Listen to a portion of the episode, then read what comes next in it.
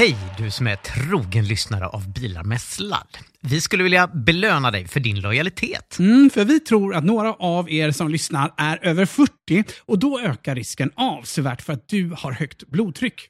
Och risken den ökar sedan ju äldre du blir. Högt blodtryck det kan leda till en mängd allvarliga sjukdomar som till exempel hjärtinfarkt och stroke senare i livet. Nästan en femtedel av er som är över 40 har för högt blodtryck och de flesta vet inte ens om det. Jag och Fabian driver vårdcentralen Hälsa Hemma som du möter i vår app. Om du bor i Stockholm, Göteborg eller Malmö och listar dig på Hälsa Hemma vårdcentral så skickar vi hem en digital blodtrycksmätare till dig helt gratis. Blodtrycksmätaren kopplar du till Hälsa Hemma-appen och får där instruktioner om hur du kontrollerar ditt blodtryck. Gå till hälsahemma.se bilar med sladd för att ta del av erbjudandet.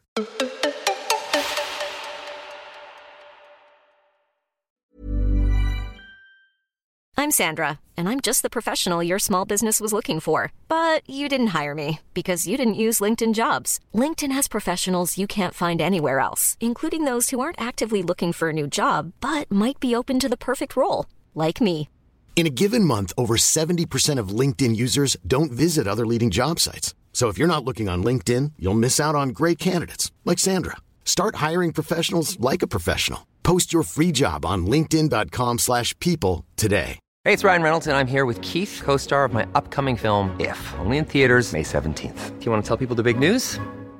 All right, I'll do it. Sign up now and you'll get unlimited for $15 a month in six months of Paramount Plus Essential Plan on us. Mintmobile.com slash switch. Upfront payment of $45 equivalent to $15 per month. Unlimited over 40 gigabytes per month. Face lower speeds. Videos at 480p. Active Mint customers by 531.24 get six months of Paramount Plus Essential Plan. Auto renews after six months. Offer ends May 31st, 2024. Separate Paramount Plus registration required. Terms and conditions apply if rated PG. Wow. Nice. What you're hearing are the sounds of people everywhere putting on Bombas socks, underwear, and t-shirts made from absurdly soft materials that feel like plush clouds. Yeah, that plush. And the best part? For every item you purchase, Bombas donates another to someone facing homelessness. Bombas. Big comfort for everyone. Go to bombas.com slash ACAST and use code ACAST for 20% off your first purchase. That's bombas.com slash ACAST. Code ACAST. Väldigt oklart allting. Var du och kissade innan? För att jag har Ja. missat det faktiskt. Nej, men, eh, det tåget har gått, Anders. Okej. Alfred, ta över. Eh, ska vi... Ja, du får ta det från början. Ja.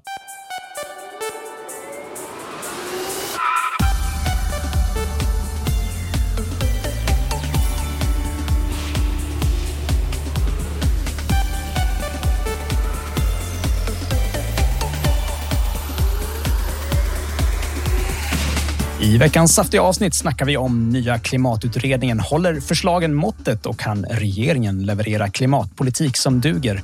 Dessutom provkör vi Volvos nya storsäljare EX30, siar om BYD som är på väg att växa om Tesla på elbilar. Vi snackar elskatt och inte minst strejken på Tesla i Sverige.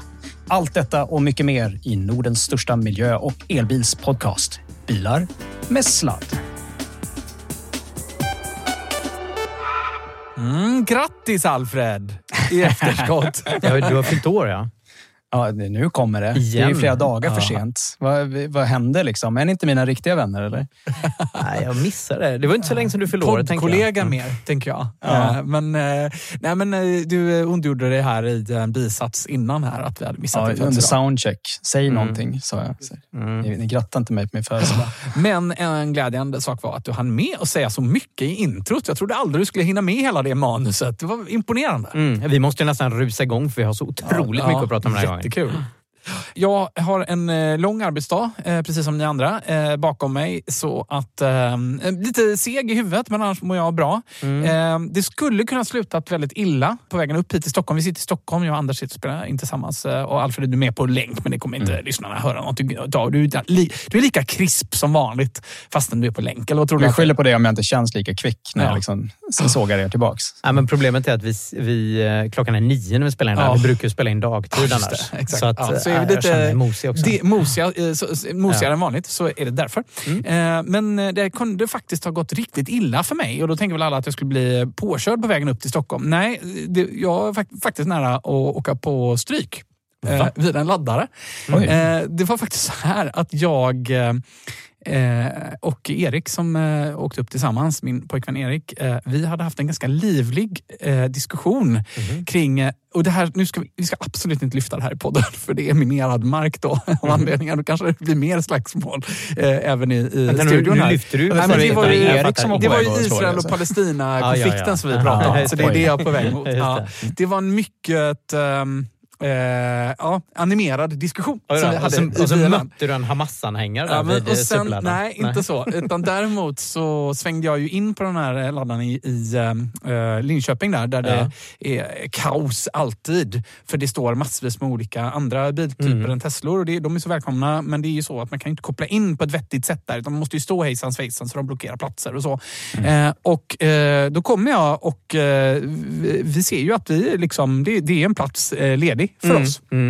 Eh, Men vi ska bara runt ett varv titta på baksidan för att eh, man vill helst koppla in sig så att man inte delar. Eh, även Tesla-laddarna delar ju faktiskt lite ström. Eh, och under tiden vi gör det lilla varvet runt, då kommer en annan Tesla-förare farandes i sin Model eh, S eh, och kopplar in sig. Då tutar jag på honom. Eh, och han verk- låtsas som ingenting. Eh, då tutar jag igen. Ja, men hur ska han veta att du hade tänkt ta den platsen när du sitter och åker runt? Ja, liksom? precis. Det var nog det som hände. Jag, jag var ju redan uppjagad då, så jag var ju liksom, eh, jag var ju liksom arg redan när jag slet loss säkerhetsbältet och kastade mig ut ur bilen. eh, och eh, berättade att jag var först och typ ställde mig och blockerade laddaren. Eh, då eh, ser jag, jag hinner ju liksom i ögonvrån se Att han har ett bomb, att- bombbälte? Nej, men släpp det. Hur ska du koppla ihop Nej, det? men- Jag bara väntar på hur... Hur det, det, du, du kommer, kommer inte Ah. landa i Israel och Palestina. nej, Det okej. kan jag vara helt, det kan du vara helt säker på. Så det var helt orelaterat Det var det bara att jag var arg. Ja, det var ju bara okej, att jag var arg. okej. Ja, häng med nu Anders. Ja. Ja, I alla fall, det som hände var att jag i ögonvrån ser att eh, det här är en kille som nog inte haft världens bästa dag. Nähä. Det hinner jag ju notera samtidigt som jag ställer mig och blockerar laddaren för honom. Eh, och eh, han blir så arg och så irriterad. För det är precis som du säger, hur skulle han förstå att jag var där först? För det var inte uppenbart för honom alls. Nej. Men det slutar med att han, eh, han börjar putta på mig. Mhm, oj, oj, oj. Det är ju ganska ovanligt att det händer ändå. Att, man- så. Eh, Det var liksom vanligare på mellanstadiet, högstadiet. eller hur? Han, han, började putta på mig, men, men han flyttade på sig. så. Eh, och Sen så ställde jag mig och laddade och så var vi lite sådär skakade av det. Eh, och Då kom han faktiskt tillbaka och då hände ytterligare en sak som inte så ofta händer. Och Det är att vuxna människor faktiskt går fram och ber om ursäkt. Jaha, oj då. Oj. Det var helt otroligt faktiskt. Jag, alltså det, var så det, var, det var fan fint. Det var, det var riktigt fint. Han kom fram och så sa han, förlåt, jag har haft punka på vägen upp. Jag har haft världens sämsta dag. Jag ber verkligen om ursäkt. Och då var det ju superenkelt för mig att be om ursäkt och säga, vet du vad, min attityd var helt fel. Jag förstår hur det såg ut. När, när jag, eh, liksom att, jag förstår att det såg ut som att jag inte var först. Det- nu var önskar man nästan att det skulle komma en koppling till Israel-Palestina ändå. Alltså. Vi kan ju hoppas att de också i ett litet... lite, det slutar med att jag sa fan vad fint att du säger det. Liksom. Ja, och så tog vi hand. Liksom. Och så öppnar du bagageluckan och friger gisslan du har där. nej, nej, Anders, släpp- Anders nej, du får gå- inte vara med. Nej. Nej, nej, nej, nej, nej inte, vi ska inte gå den Okej, vägen. okej, alls. förlåt. Ja. Så, ehm, ja, så kan det gå till. Hetleverat. Så passa er där ute så att ni inte åker på en propp. Raggadish. Alltså det, det är ju s- sällan bra att ha för bråttom. Eller att liksom vara, man får försöka man skulle ha lugnat ner tålamod, sig. liksom. Ja, man ska exakt. vara artig och trevlig. Det, det var faktiskt, fan, det var lika mycket mitt fel. Mm. Det var verkligen det. Men jag har hamnat så många gånger i såna här jättejobbiga situationer när det är en plats ledig Ja. och sen så, eh, så ser jag att liksom, nej, det jag delar med någon annan och så åker jag iväg och sen så är den Ja. borta och så blir jag Ja. stående i 20 minuter och får ingen plats alls. Liksom. Ja. Men Jag går inte fram och knuffar på dem Nej, ändå, det gör liksom. man ju inte. Det var ju, alltså man ska ju inte bli fysisk, det får man ju verkligen säga. Det, var ju, Men var det, det är ju för att du är konflikträdd, Anders. Det är det. det, är det också. Precis. Vi kan väl säga i det här bolaget som vi driver tillsammans så kan vi säga att jag är ju den som, som herrskapet puttar fram när det ska liksom bråkas lite. Ja. Eh, och Anders är den som är good cop, så kan man säga. Ja, men good cop, jag hatar så förhandlingar och allting Ja. sånt. Liksom. Det går alltid dåligt för mig för att jag, Ja. är alldeles, jag viker mig Ja, men ibland gång. eh, kan man också behöva sansa sig. Så det där är verkligen ett tvegat svärd för min del. Måste jag säga. Liksom, om jag, så här, det här slog ju fel för min del. Liksom. Det var helt onödigt att vara så konfrontativ som jag var Mm. mot honom. Mm. Ja. Sist när vi spelade in så var jag lite sjuk, kommer ni ihåg det? Just det. Mm. Då jag var Långtidsverkande fortfarande... Alvedon. Ja, nej, men jag var fortfarande ganska mosig i huvudet eh, liksom ganska lång tid efter, efter jag varit sjuk. Då. Så att jag var med om en riktigt sjuk grej där någon dag efter vår inspelning. Jag hade varit med familjen på barnen, någon sång, skitsamma vad vi var på, någonting var vi på. Liksom. Så att jag, det var jag och min fru och två barn i bilen. Så kom vi åkande och så stannade vi vid ett rödljus. Och så sitter vi där liksom och pratar lite och sådär. Så blir det gult och grönt och jag kör iväg i lugnt mak. Och sen när jag precis kört iväg liksom, så säger min fru så här, vad gör du? "Eh, ja, vadå? Du körde precis mot rött, hon. Va? Det blev gult och grönt jag körde. Va? Nej, det var rött hela tiden. Det har aldrig ändrat sig. Ska du verkligen erkänna det? Här i radio? Ja, men det kan, Det kan ha hon varit i- kan ha sett fel och sådär Det också. kan ha varit Ja. utomlands. Men det är första Ja. gången någonsin På privat liksom mark, Ja, men- inhägnad det privat mark konstigt? med, med trafikljus. Ja, men det är inte konstigt. Så va, alltså jag var helt säker på att det slög över. Det Du- kan ju varit min fru som Det såg kan ju fel varit. Alvedonen. Ja. Ja, jag det håller kan på det. att fundera lite grann sådär ibland på hur- när, när man ska... Jag har en åldrande far som man börjar bli allt mer sådär obekväm med att han kör bil. Liksom. Och Hur, hur, när ska man dra gränsen sådär? Men det. Anders, hur, hur gammal är du? Är?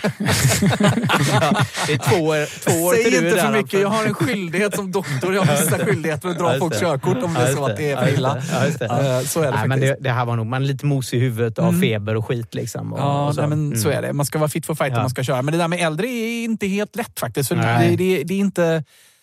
Det är ju ingenting man vill göra med sina mm, patienter. Som doktor kan säga, säga till dem att eh, nu kommer jag rycka ditt körkort. Men det är också en konstig situation som, som doktor att du ska, att du ska ta det beslutet. För du ska ändå vara liksom den man går till Ja. när man har det tufft och svårt. Ja. Och, då, och det är samma med vapenlicens. Du ska dra Vapenlicens in det också. Ja. Liksom. Och man måste berätta det, att man ska göra det innan man gör det va? Så man måste säga det till patienten. Ja, nej, det gör man samtidigt. Men, eh, men däremot så behöver man inte göra det om det är så att eh, man till exempel har en son eller dotter som, som säljer bilen eller tar nycklarna eller, och gömmer eller sådär. Då, då behöver man faktiskt inte göra som doktor. Men det görs alldeles för sällan, eh, sägs det. Men jag har en, en fundering. För att jag gick ut i ett program tidigare och sa att min, min dotter hon fyller 15 nästa år och hon vill köra sån här A-traktor. Jag tittar på elektriska lösningar. Det finns ju typ ingenting. Nej, precis. Så jag hade min, en idé då att eh, konvertera en eh, importerad i-MIEV till en A-traktor.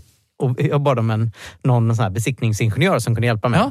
Ingen har hört av sig. Nej, alltså, okej. vi brukar, det brukar rasa in massor med mejl när vi efterlyser Ja, grejer. särskilt när vi har fel. Då, då hör ni av er. Men kan, i, alltså Det är jag väldigt vill, sällan i och för sig som vi har fel, eller? I juli nästa år så vill jag kunna eh, att, eh, liksom, ha en elektrisk A-traktor till min Ja. dotter. Någon där ute i Sveriges största teknologipodcast, lyssnarskara, måste ju kunna komma med en idé. Liksom. Ja. Hur fan får jag till det här? Okej, så du vill köpa Mm. en, en, en liten billig elbil och så vill du konvertera den till en A-traktor? Ja. Det är målet? Ja, och då Okej. har en kompis som sa så här, nej det är nog lättare att bara liksom köpa en fossilbil och konvertera till en elbil. Bara, men det är ett megaprojekt. Ja, det är ett jätteprojekt. Ja, så det händer ju liksom inte. Nej. Men det är, ju, det är ju lite knepigt hur man ska strypa.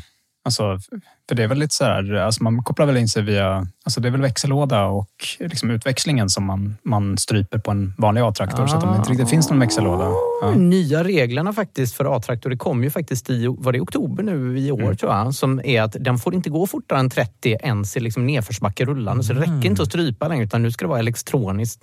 Så att det Ah, borde okej. vara lika lätt. Mm. Jag tror inte problemet ligger inte att strypa elbilsdelarna här utan Mm. det är att du måste kunna dra släp på ett ton.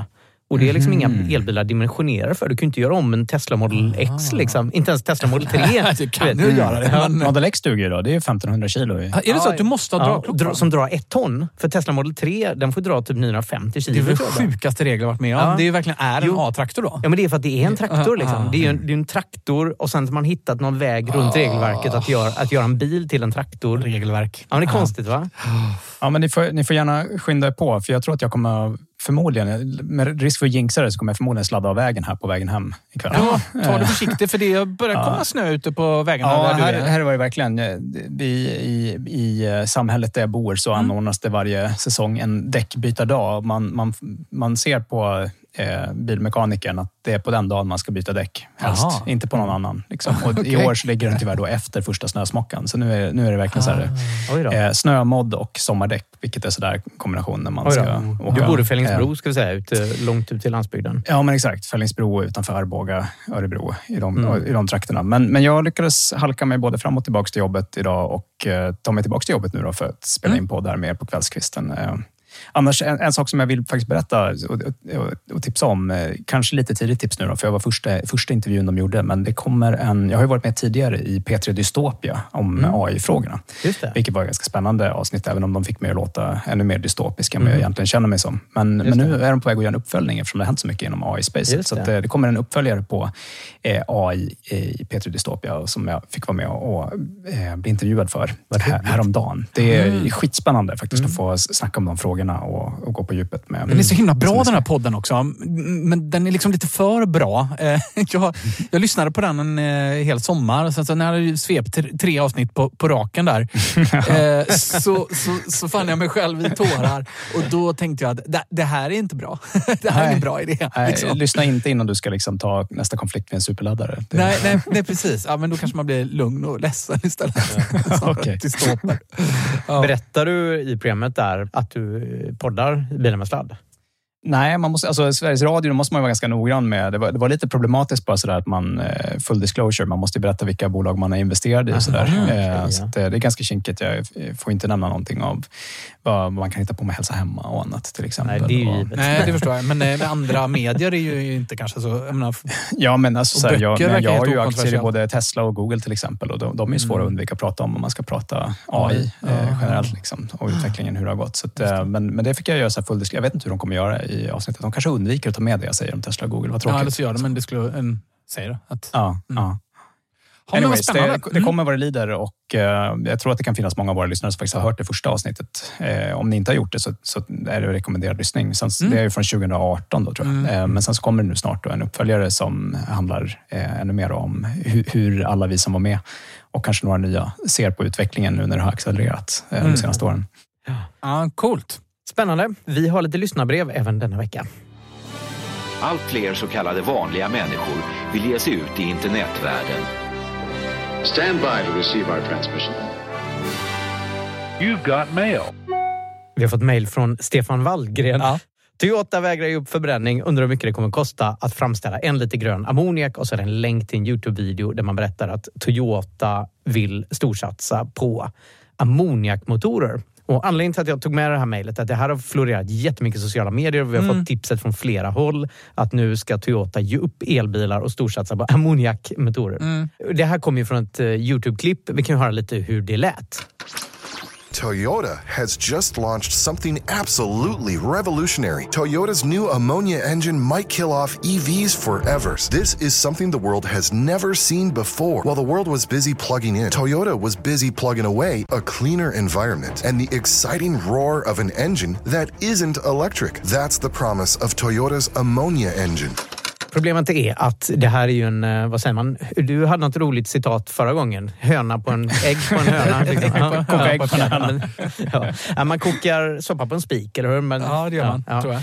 Så det här är ju någon sorts, liksom så här, det har spunnit helt utom kontroll det här. Ja. För att det är ett kinesiskt bolag. Du har också researchat det här Alfred? Ja, jag har kollat på ja. storyn rätt mycket. Jag, tyck, jag ja. tyckte ju liksom att vi kanske inte skulle ta med det här, för det här är inte sant helt enkelt. Det, mm. de, det här klippet lägger ju saker i Toyotas ja. VDs mun som han inte har sagt. Nej. Och det finns ah, inga, inga, inget som styrker att Toyota skulle satsa på de här ammoniakmotorerna. Sen vet jag att du har kollat upp mer, Anders, och tycker att det kanske ändå finns någonting i det. Så vi kan väl se vem som tycker bäst här nu då. Men, men säg, vad, säg vad du har läst på. ja, nej men så här, I Youtube-klippet så är det ju en, en speaker som över Toyota, liksom, vdn, som säger vad han ska ha sagt. Men det är kinesiska GAC som har utvecklat en ammoniakmotor. Och det har man försökt göra länge tidigare, men man har inte fått upp effektiviteten och så vidare. Det finns väldigt mycket ammoniak där ute. Vi använder det ibland till konstgödsel och såna grejer. Mm, mm. Så att målet med den här är att när man får det att funka så är det väldigt hög effekt i den här. Alltså. Ja, energidensiteten ja. är hög. Liksom. Ja, precis. Och, och man klarar att utvinna en väldigt stor del av energin ah, ja, i så drivmedlet. Ja. Effekt, effekt, mm. Precis. Men är det inte så att det ändå blir vätgas i slutändan? Som Kväve ska... framförallt. Ja, men det ska bli mm. vätgas som går in i en... Uh... Ja, det är en förbränningsmotor det här. Så okay. du bara eldar skiten? Det är förbränningsmotor, men det blir ju inga mm. kol, det blir ingen koldioxidutsläpp för det är inga kol med i atomerna nej, som man bränner ut. Mm. Och eh, det, det, är liksom ett sätt. Man skulle kunna se det som en, eh, ett medium för vätgas. Om man mm. ska producera ammoniak i stor mängd så kan man, då behöver man mm. vätgas. Så blir det lättare än att ha komprimerad vätgas. Då kan man mm. liksom istället eh, transportera ja, ammoniak. Men, men idén är i alla fall att eh, så här, det här ska man kunna använda i tung trafik som flyg och, och liksom så här, fartygstrafik och så där, som är svår att elektrifiera. Och det, alltså, mm. Flyg är ju notoriskt svårt att, att elektrifiera, speciellt långdistansflyget yep. som batterierna blir så tunga så det är svårt att liksom komma några lång, längre sträckor. Även om det finns elflyg nu som flyger liksom mellan Stockholm och Göteborg med 30 passagerare och sådär. Så, mm. det, är inte, det är inte omöjligt, men du är svårt ja, att komma över Det Atlanten. finns väl inte? Nej, det finns inte ännu, men det finns Nej. på gång. Liksom. Mm. Det finns på gång i ja. någon roadmap någon ja. gång till 2030-talet kanske. Jo, men man, det går att få till i alla fall, var väl poängen mm. någonstans. I alla fall, det här kinesiska bolaget har ju gått ut då med att det här vill de kunna göra för förbränningsmotorbilar också. Mm. Ammoniakmotorer, inte bara för tung trafik. Och här har man ihop med Toyota nu då, satsat på ett projekt där Toyota faktiskt ska ta fram en personbil med sån här motor. Så det inte... Är vad, vad har du hittat för källor? För jag har sökt ganska mycket efter källor på det. Och jag, så här, ja. jag har hittat att Toyota ska jobba tillsammans med GAC. Mm. Och sen så finns det en annan nyhet. GAC utvecklar en ammoniakmotor. Men jag har inte hittat något som tycker att Toyota ska bygga en ammoniakbaserad bil med GAC. Ja, men jag har hittat att Toyota och eh, GAC tillsammans tar fram en bil som ska ha 161 hästkrafter och sådär. Alltså det, det finns en del information om det här. Men det är inte helt så att de här är frikopplade från varandra utan det finns... Eh, så här, Bloomberg har skrivit om det här bland annat. Och så där. Vi kan lägga ut lite länkar sen kopplat till det här på eh, vår bil, Det låter mest som att det är Alfred som behöver de här länkarna. Ja, ja, ja du får gärna skicka de här länkarna. Ja. Jag grävde också ganska djupt i det här. Och du menar på att du har hittat en källa som, som kan koppla ihop mm. Toyota med just ammoniakprojektet helt enkelt? Mm. Och GAC, absolut. Det som är lite lustigt med just de här GAC är att de har också visat upp en flygande bil och en annan bil med väte i tanken. Så det känns ju liksom så som väldigt... Är det att den flyger i luften ja. så att säga av ja. vätgasen? Ja, Eller ska man ja. förstå det? Ja, men I övrigt så ammoniak är väldigt, väldigt giftigt ja. och klistrar in från giftinformationscentralen. Ja, men vad kul att du har hittat uh, giftinformationscentralen. Ja, de säger så här, lösningar med hög koncentration koncentration av ammoniak är starkt frätande och kan ge mycket allvarliga skador vid förtäring, hud eller ögonkontakt. Och att ha det här i personbilar, liksom, det känns ju väldigt ja, fast Djävulens advokat kan ju säga att bensin är ju också eh, farligt. Det är inte bra att dricka det och lukta på det och sådär. Nej, men drick, få dricker bensin. Men det här är ju farligt bara du får det på huden. Ja, el då? Hur farligt är inte det? Ja. El är Nej, skitfarligt, man ska inte ta i det. Ammoniak är läskigt. Liksom. Mm. Det, det finns mycket som är problem med, mm. med ja, Jag med tänker mest att det kommer fräta jättemycket på liksom all utrustning och tankar och så också. Om det är så frätande. Ja, kanske. Mm. Det vete fasen egentligen hur illa det Ammoniak används ju en del. Reaktiva ämnen är ju ett problem. Alltså det är ju därför vätgas är ett problem. Ja. Men ska vi lämna det där då helt enkelt? Mm. Anders har helt enkelt korrigerat. Jag har gjort för dålig research. Jag har inte lyckats styrka att Toyota kommer vara med på den här ammoniakbilen. Mm. Som jag tolkade landet när jag kollade upp det, det var att det finns ett joint venture med mm. GAC. Och det tolkar jag, Toyota är ju ganska desperata att få ut mer såna här zero emission vehicles i Kina mm. för att leva upp till en kvot. Så jag tolkade att det var någon annan CE, ZEV bil då helt enkelt, som inte måste vara en elbil, men det låg ju nära till hands att jag skulle tro att det var en elbil de skulle bygga tillsammans med GAC för bara den kinesiska marknaden. Då. Och de här Youtube-klippen har ju twistat det till att, så här, att nu har Toyota sagt att det här är det de ska göra istället för elbilar i hela världen. Och så mm, och är det, det definitivt inte, inte, mm, inte alls. Nej, liksom. nej, Men nu har Anders då alltså lyckats styrka att det är en ammoniakbil som Toyota ska bygga med GAC. Så får vi se om, om lyssnarna kan korrigera, bekräfta Anders eller om det, vi får se om det är en ny EU-grej här nu då, Anders. Ja, men grejen Toyota har massor med olika projekt på gång. Ja, så att det här är ju bara ett av väldigt många projekt. Så att det är liksom inte alls sagt att Toyota ska göra det här istället för någonting annat. Utan det, är så här, det är därför jag säger soppa på en spik. Men Toyota är absolut med GAC i det här projektet och tagit fram en bil som man dessutom har visat upp hur den ska se ut.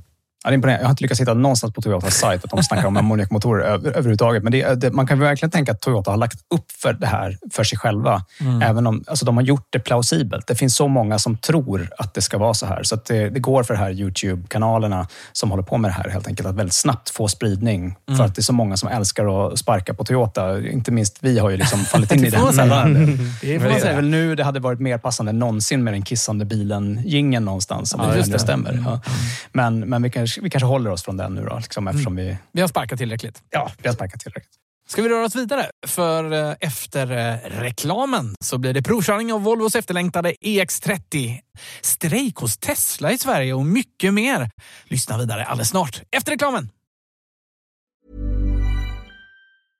Hiring for your small business? If you're not looking for professionals on LinkedIn, you're looking in the wrong place. That's like looking for your car keys in a fish tank.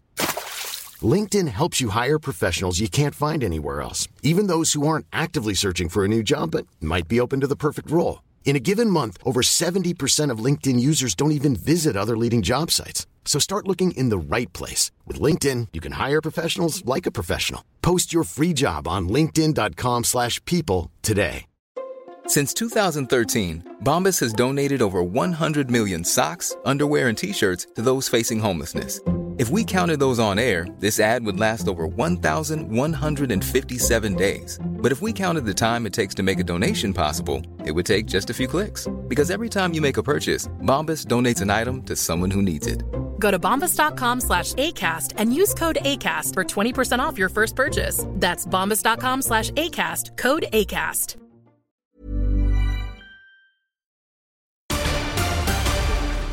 Ja, och jag tänkte faktiskt att vi skulle börja med Tesla-strejken som pågår i Sverige för fullt. Mm. Eh, Sedan den 27 oktober så har alltså IF Metall utlyst strejk på Tesla i Sverige. Detta sedan förhandlingarna med Tesla om att upprätta ett kollektivavtal strandat innan det ens börjat. Det var nämligen så att Teslas svenska ägarbolag, då, TM Sverige AB, de har inte ens mandat att ingå ett sådant avtal. Så det innebär ju att fackförbundet har inte riktigt någon motpart att föra samtal med. Vi träffade Teslas ledning i Sverige och de meddelade att de inte avser att teckna något kollektivavtal. De har inget sådant mandat. Ett sådant beslut måste fattas av den högsta koncernledningen i USA. Det sa IF Metalls avtalssekreterare Veli-Pekka Seikkälä i en intervju med tidningen Dagens Arbete. Jag ber om ursäkt för uttal. Så därför har vi istället utökat varslet för att sätta press på Tesla att teckna avtal, fortsatte han. Mhm. Fredagen den 27 oktober den kom och gick och på Tesla märktes dock ingen större skillnad. Arbetet fortskred i stort sett som vanligt enligt rapporter både inifrån bolaget som vi har samlat ihop och från Tesla Club Sweden som var där och besökte en av verkstäderna i Stockholm.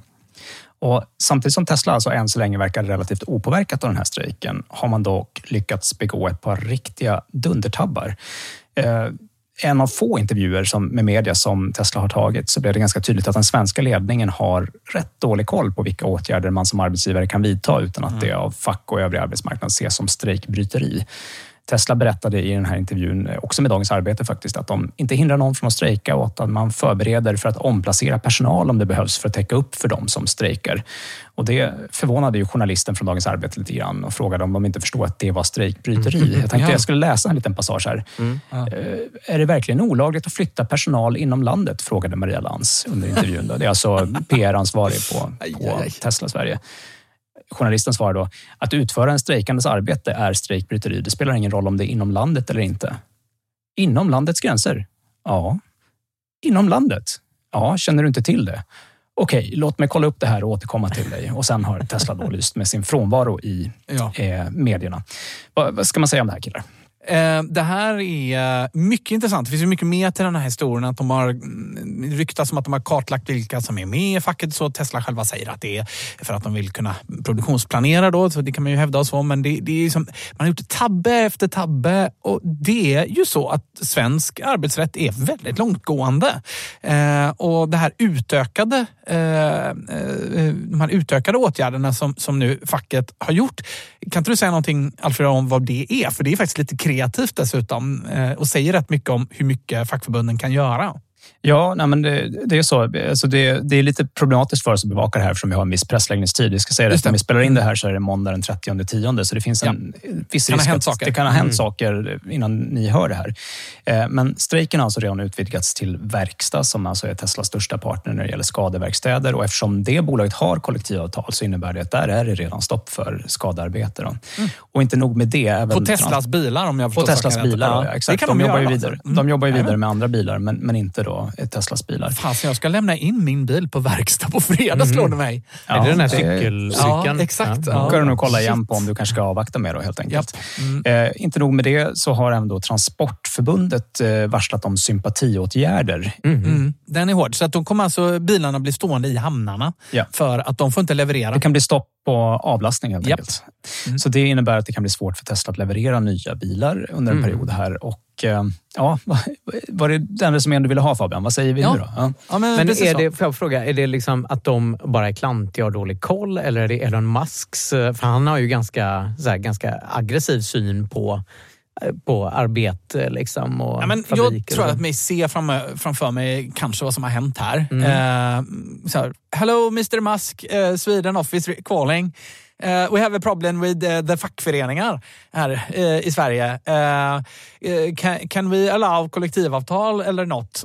och då så säger Musk, precis som du är inne på, bara, nej, vi ska inte ha, vi ska inte ha några tror de har frågat. Han hatar, ju, han hatar ju facket, ja. Musk. För han är ju det, känd för det i det USA. Var ju, ja, och det här var ju redan, kommer ihåg, under pandemin mm. så jobbar ju de på, liksom, yep. bröt mot Kaliforniens yep. regelverk yep. för pandemi och så. Ja. Så han är ju stenhård när det gäller Så då har. Musk bara liksom i en mening sagt nej, det ska inte vara något kollektivavtal. Och då har det svenska kontoret fått förhålla sig till det och så har de varit dåligt eh, pålästa när de bollar upp detta uppenbarligen. Så att Musk har inte fått reda på hur otroligt mycket problem det här kan bli för Tesla. Det är vad jag tror. Det, det är ju liksom bredare än så. Alltså, Musk är ju i ganska gott eh, sällskap i USA med att, där det verkligen är en fråga liksom, om man ska ha eh, fackföreningsavtal eller mm. inte. Det är inte alls lika vanligt. Det, det, är mycket mer utbrett i, i USA. Att man, Då har man istället, som, I de länderna har man ju istället lagar som reglerar ja. min, minimumlön och så. Det har man i USA. Vi har vi faktiskt inte i Sverige, utan i Sverige så, så är det den här svenska modellen som gäller och det innebär att arbetsmarknadens parter själva får komma överens. Men då kan man också sätta ganska mycket hårt åt. Alltså ett, eh, fackförening kan då sätta ganska mycket åt här som ni ser i det här exemplet. Ja. Och där, där är ju Sverige ganska unikt, även om yep. liksom, menar, Europa skiljer sig i sin helhet ganska mycket från USA. Att mm. fackföreningarna är starkare i Europa, inte minst i Tyskland till exempel. Men, mm. men ja, Sverige är ju princip... blockerar de ju motorvägar och grejer. Men gör de inte det så fort det är liksom mm. minsta lilla... Någon nyser liksom. Någon nyser bara, ut på motorvägen, blockera. Ja. Och jag har fastnat i franska tågstrejker flera gånger. Liksom. Så det, det, det, är väldigt vanligt. Och det, det är väl ett exempel på liksom, vad som ofta framhålls som fördelen med den svenska modellen. Att eh, den här alltså fredsplikten och kollektivavtalsmodellen har ju lett till betydligt färre konfliktdagar i Sverige än ja. andra jämförbara länder. Så det, det är ju liksom en, en, stor fördel. Men, men det är ju så att liksom Tesla har ju fattat ett principbeslut om att de inte ska ha några fackföreningsklubbar eh, eh helt enkelt. Ja. Mm -hmm. för, för sina är det så i hela världen? De har till, till exempel har varit liksom motsvarande konflikt på gång i Tyskland där tyska mm. facket försökte pressa på och där hotade Tesla med att lägga ner hela projektet, säga upp alla 5000 anställda som de då hade hunnit anställa för att bygga mm. upp fabriken. Så de hotade sig att helt dra, ur, dra sig ur Tyskland om facket skulle framhärda i det. Och eh, det ligger ju i farans riktning här också. Det är inte så att vi kan ta för givet att Tesla hellre tecknar ett kollektivavtal i Sverige än att bara dra sig ur den svenska marknaden. Det är, det är ganska svårt egentligen att se här hur de ska kunna... Alltså, det är väldigt lätt att förstå att facket kommer att ha svårt att backa nu från det här. För de, jag skulle tro att det liksom... Ja, men det handlar ju om hela den svenska modellen som är under hot här. Så det, det går ja, inte. De kommer inte backa på det. Tesla har liksom vuxit sig för stora för att facket ska kunna låta det här flyga under radarn längre. De kommer liksom försöka tvinga fram ett kollektivavtal här nu och när de har tagit den här positionen så blir det jättesvårt att mm. ge sig med något mindre. Och ja. Eh, detsamma gäller ju egentligen för Tesla. De, mm. de har ju fattat ett principbeslut om att de inte ska ha det här. De har liksom lyckats få liksom, mota Olle i in om man har de glasögonen på sig eh, i Tyskland då, och eh, inte få, alltså undvikit att få ett avtal där. Men vad du säger här Alfred är att det här är stor risk att Tesla helt enkelt lämnar Sverige. Är det, är det den här P3 tror... Dystopia som ja. är liksom totala? jag, jag, tror faktiskt inte det. Det, tror, alltså det är ju ett så korkat affärsmässigt beslut. Det är ju ändå, eh, visst att det inte är en jättemarknad, men vi är ju jag menar, hur mycket Tesla-bilar som helst i det här landet. Ju. Mm. Det, vi är ju efter Norge en av deras viktigaste marknader, trots allt. Ja, jag, tror att, eh, jag tror att det kommer att sitta väldigt långt inne för Tesla att ge sig på den här. Mm. Eh, Men du tror inte ja, det här kan sprida sig? Det kommer ju bli samma i Norge. Vet du. Alltså, vi, våra grannländer har ju liknande regler som vi har. Och ska de då så mm. dra sig ur både Norge, och Sverige, och Finland och Danmark också? Mm. Det blir väldigt intressant att se hur det ska gå. Liksom. De, de har ju mm. försökt eh, uppnå precis det med sitt agerande i Tyskland. Jag pratat med en del kontakter som jag har inom mm. Tesla för att förstå hur den här strejken uppfattas inifrån Tesla, liksom mm. från verkstadsgolvet. Och det som är slående när man pratar med folk som jobbar på Tesla, då, det är att eh, det, själva strejken påverkar Tesla väldigt lite. Det är väldigt, väldigt få personer som har gått i strejk. Och, och det, är för att, det är för att de inte är fackligt anslutna alla, så då har man ingen strejkkassa. Och man har väl inte heller, då får man väl jobba också? Är det inte så? Ja, dels är det så att eh, Tesla har tydligen, enligt de källor som jag har pratat med, varit tydliga till sin personal att alla får strejka oavsett om man är fack, eh, fackligt ansluten eller inte. Det blir inga repressalier på någonting, utan alla ja, har rätt att strejka. Det har pratats om deras optioner har de varit ute och pratat om. Det ryktas om det. Att de hotar med att dra optionerna om man strejkar. Ja, och så, mm. Det får man ju absolut inte göra. Det är superolagligt. Om, om det kan ledas i bevis så har ju Tesla en stämning på sig här. Ja, om det kan ledas i bevis. Jag har ändå pratat med ett par källor då, som jobbar mm. på Tesla. De, deras upplevelse är att de har fått tydlig information från bolaget om att de får strejka om, om de vill. Det är ingen som kommer att kolla om de är anslutna eller inte. Mm. Det spelar ingen roll. Alla som vill får strejka. Jag har inte kunnat få fram någon skarp uppskattning på hur många som faktiskt har gått i strejk, men det handlar om som ett fåtal, är det som alla rapporterar om. Så det, liksom, det verkar vara väldigt få av Teslas arbetare som faktiskt strejkar nu. Eh, vidare så har de fått ganska offensiva kampanjer på sig från facket, där facket erbjuder direkt tillgång till strejkkassan och fri eh, medlemsavgift Ja, och så vidare normalt, om, man, om man ansluter Mm. sig direkt. nu. Så det verkar som att det pågår en ganska offensiv kampanj från facket för att rekrytera Tesla-medlemmar och få dem att delta i den här strejken. Då. Och eh, det de alla beskriver är att de upplever att de har mycket bättre villkor än vad de har haft på något jobb tidigare än i, branschen. Det är inte helt sant, för det beror helt på hur man räknar. Ja, men nu har ju du pratat med antal, Ja, men antal personer. inte- de det- beskriver ju... Ja. Det är ju vad de Men vad har du för källor då Fabian? Berätta. Ja, nej, just, det finns lösa rykten. Men, För det- eh, Alfred har ju precis pratat med ett par personer. Ja. Alltså, de känner inte igen sig i fackets beskrivning Nej. om villkoren här. Okej. Utan de, de upplever att de har betydligt bättre betalt på annat håll. Det som möjligtvis skiljer sig åt är att det finns inga, inget skydd mot liksom övertid på, på olika sätt. Men stopp och belägg här nu. Det är ju inte, det är ju inte så att man inte kan ha bättre villkor om man har kollektivavtal. Det kan man ju ha. Det är ju Ja. ingenting som hindrar det. Mm, så. Det är ju bara liksom lägger det botten istället för de här lagarna som man har i andra länder, EU kollektivavtalet. Det är ju en botten. Ja, men fackets ansvaring här har ju ändå varit att det finns mycket ung arbetskraft på Tesla har de varit ute och snack- snackat om och det gör att eh, liksom, villkoren är sämre än på andra håll, att de har sämre betalt och så vidare. De jag har pratat med som jobbar på Tesla, Mm de har bättre betalt på Tesla än vad de har haft tidigare. De har haft konversationer med facket där de har fått fackets syn på vad de borde tjäna och tjänar redan mer än vad facket tycker att de borde tjäna på de positioner de har. Eh, Det de inte har är att det, finns ingen till exempel bank på komptid och så vidare. Och Det är ju ett, en kultur i Tesla där de förväntas jobba hårt och prestera mycket. Men däremot så upplever de att bolaget är generöst med att man exempelvis eh, kan gå på betald ledighet en annan dag utan att någon har räknat timmar ifall det är så att man har jobbat mycket. Mm. Så det är liksom en kultur, beskriver de, där det här bolaget är duktigt på att eh, egentligen bara låta väldigt begåvade människor stanna kvar. Men eftersom det är väldigt begåvade människor så är det också människor som i allmänhet har ganska lätt att få jobb. Så att skulle de inte trivas så skulle jag kunna få ett jobb när som helst någon annanstans. Men Mm. jag vill jobba här. är Liksom, eh, den, den berättelse som jag får från folk från på golvet. Ja, absolut. Men det är svårt för dem på golvet att faktiskt kunna... Att jämföra löner är inte så himla lätt faktiskt. Eh, jag har själv, inte förrän jag själv blev arbetsgivare, börjat förstå hur mycket pengar man betalar. Eh, för vi, vi var inte kollektivanslutna i starten och nu är vi kollektivanslutna sedan ett drygt år tillbaka. Eh, och det är jättemycket pengar som arbetsgivaren måste betala för pension. Och de pengarna ser inte arbetstagarna alls. Så alltså, summera summerar man det så för vår del så blev det liksom, ja, men det blev 5-10 % dyrare totalt sett för all personal.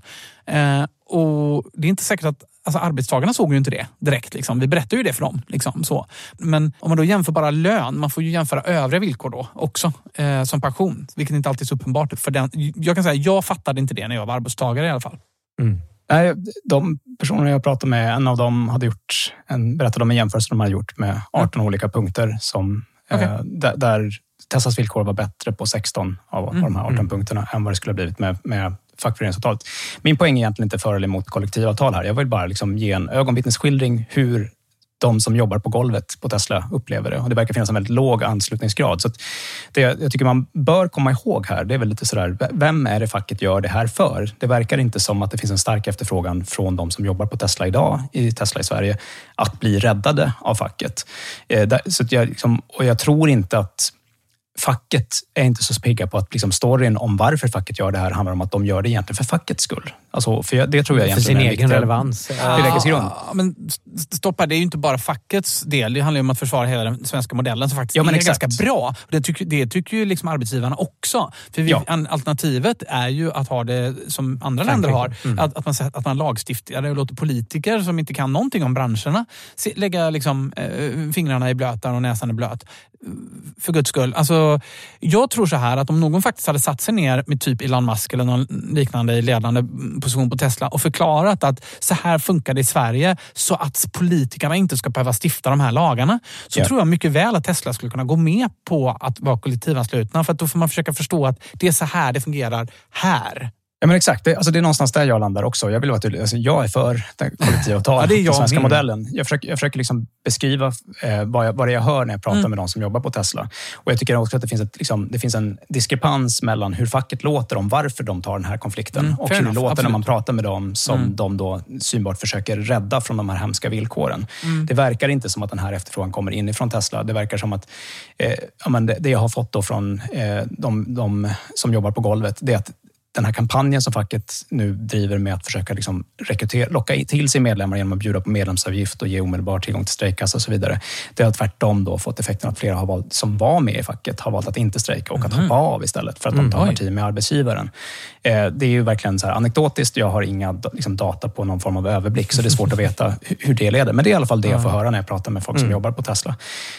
Men, men det som pågår här är ju den större fighten. Jag tror inte att det går för facket att låta bli att ta eh, kampen om, om kollektivavtalen. Och jag håller med dig om att det i grund och botten att det, det är viktigt att försvara den modellen. Men facken måste. Och det, som, det man kan fråga sig är ju liksom så här, det hade ju varit taktiskt för Tesla att hålla liksom lägre profil i det här och bara liksom skriva ett kollektivavtal för att på någonstans det är så svensk arbetsrättslagstiftning funkar. Det är för att vi inte har lagar kring de här frågorna som det behöver finnas kollektivavtal. Och så hade man kunnat använda det som en ursäkt och försöka hålla låg profil i den här frågan för att det inte skulle då spilla över på alla andra marknader. Där I USA ser det ju helt annorlunda ut till exempel och man kan se vilka problem det har lett för GM, Stellantis och Ford med liksom, eh, konflikten med United Automobile Mobile Workers där till exempel. Eh, men, men det är ju för sent nu. Och där, nu tror jag liksom att skyttegravarna är grävda liksom på något sätt. Ja, fast det har inte spilt över än. Vi får se vad det här landar Jag tror någonstans. att Tesla tar sitt eh, förnuft till fånga här. Jag tror inte facket kommer ge sig. Det är inte en chans. Vad har de att förlora på det? De kör Det på. kommer nog, kommer nog gå lite längre. Men Mm. eh, vi har fler nyheter. Ska vi vi snurra det? på? Ja, jag tycker vi rullar vidare. Vi rullar vidare.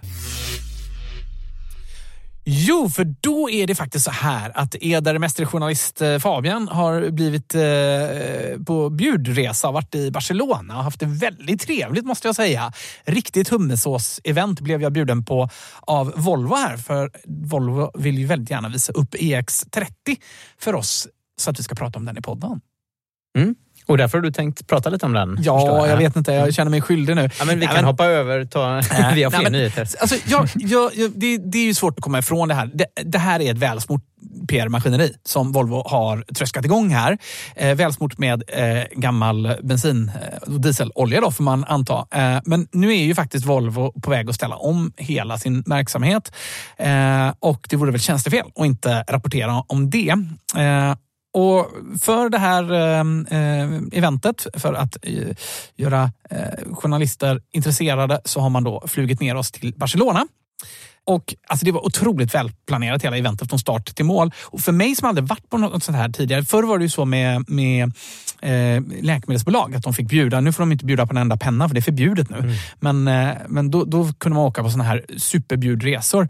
Och det här verkar vara... äh, verkar vara du har ju varit på någon sån resa förut. Jag har varit på några Ja. stycken sådana här, absolut. Ja. men det brukar vara påkostat och fint. Och, och Det är tur att det är jag som är ansvarig Mm. utgivare. som Jag inte komprometterad ännu. Liksom. Men hur, hur är stämningen bland de andra journalisterna? Liksom, har alla den här... Liksom, att man blir lite obekväm kring hur man ska hålla distans till det Fast man rapporterar fast om? det, det här har varit väldigt, väldigt, väldigt illa. Alltså hur med så här lättklädda kvinnor och Ja, sådär. Alltså ja. man tittar tillbaka Ja. i tid. Och när jag har pratat med journalister på såna här eh, events tidigare så beskriver de hur det har varit förr i tiden med Mm. liksom så här, eh, pengar, champagne och sprit och grejer. Så. Ja. så är det ju Så liksom det inte. nej, utan riktigt så är det inte. Man, Nej. man äter en, en trerätters middag där på kvällen. Med- med vin och så. Ja. Ja, precis. Ja. Och, vilket förstås är, liksom så här, det, det är klart, det är ju för att du ska rapportera positivt om jo, det här. Nej, men absolut. Jag hade ju inte åkt annars Mm. om det inte var lite liksom guldkant på det här och gå upp fyra på morgonen. Bara det kan jag säga var inte riktigt värt det för min del.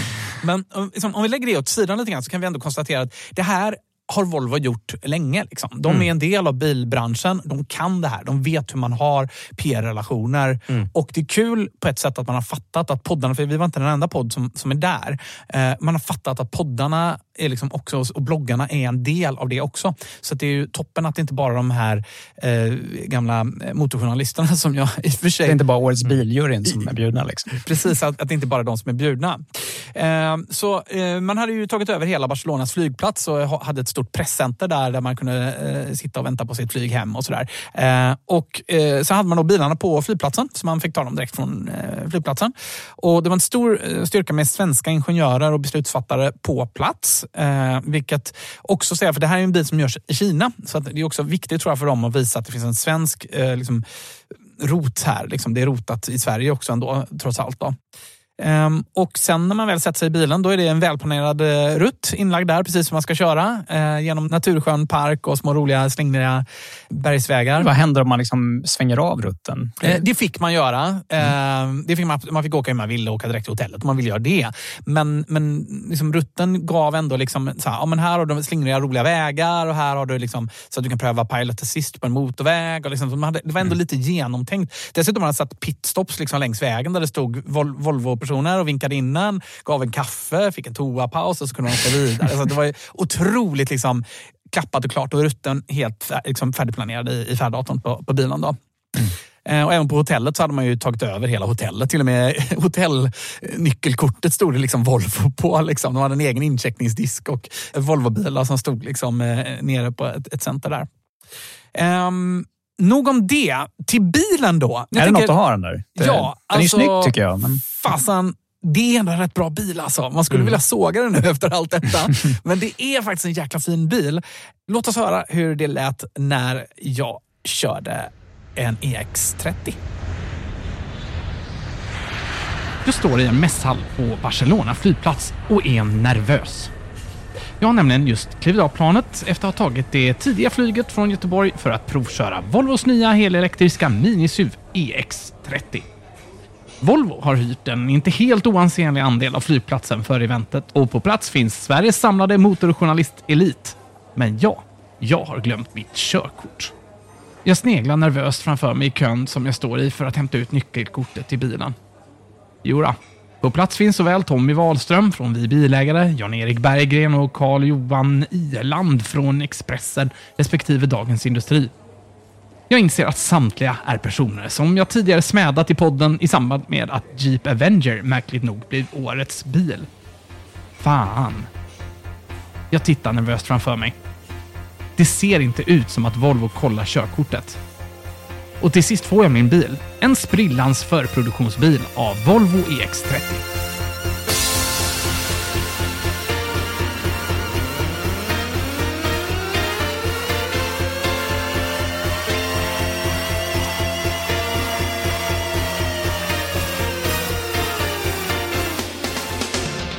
Ja, men då sitter vi då i EX30 för ett första intryck. Och redan innan man har stigit in i bilen får man ju säga att den här bilen har gjort ett intryck.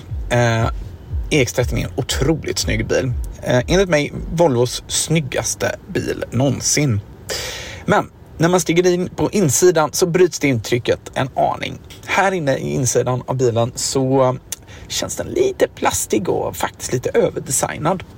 En del av inredningen är gjorda av eh, återvunnet material. Så vitt jag förstår så finns det ett material som är gjort av gamla fönsterkarmar.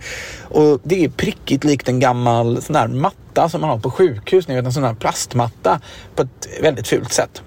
Men som tur är så finns det lite andra designalternativ som man kan välja. Bland annat finns det ett eh, alternativ som jag tror de kallar Lean som är eh, riktigt snyggt med matt och fin finish. Men den stora succén med den här bilen på insidan, det får nog ändå sägas vara det uppdaterade gränssnittet på mittkonsolskärmen. I mittkonsolen finns en eh, 12 tums stående skärm som är riktigt trevlig måste man ju säga. Eh, gränssnittet är helt omgjort och har ett antal olika sektioner. Den övre sektionen är gjord för själva bilkörandet där du ser vilken växel du har i och du ser också Pilot Assist, Volvos autopilotsystem och vad den hittar på vägen kring bilen. Och eftersom skärmen är stående så är det toppen av skärmen som har dedikerats till detta. Och sen har man en jättestor Google-karta, precis som man vill ha det. Och istället för att man ska behöva växla mellan olika appar fram och tillbaka, om man ska växla mellan Spotify och radio, så har man gjort små widgets på startskärmen som är lätta att komma åt. Otroligt väldesignat och snyggt gränssnitt som jag verkligen är glad över att Volvo har eh, omdesignat. Så det här hoppas vi kommer på Volvos andra modeller också. Tyvärr är de här eh, preproduktionsbilarna inte riktigt färdiga vad det gäller mjukvaran, säger Volvo.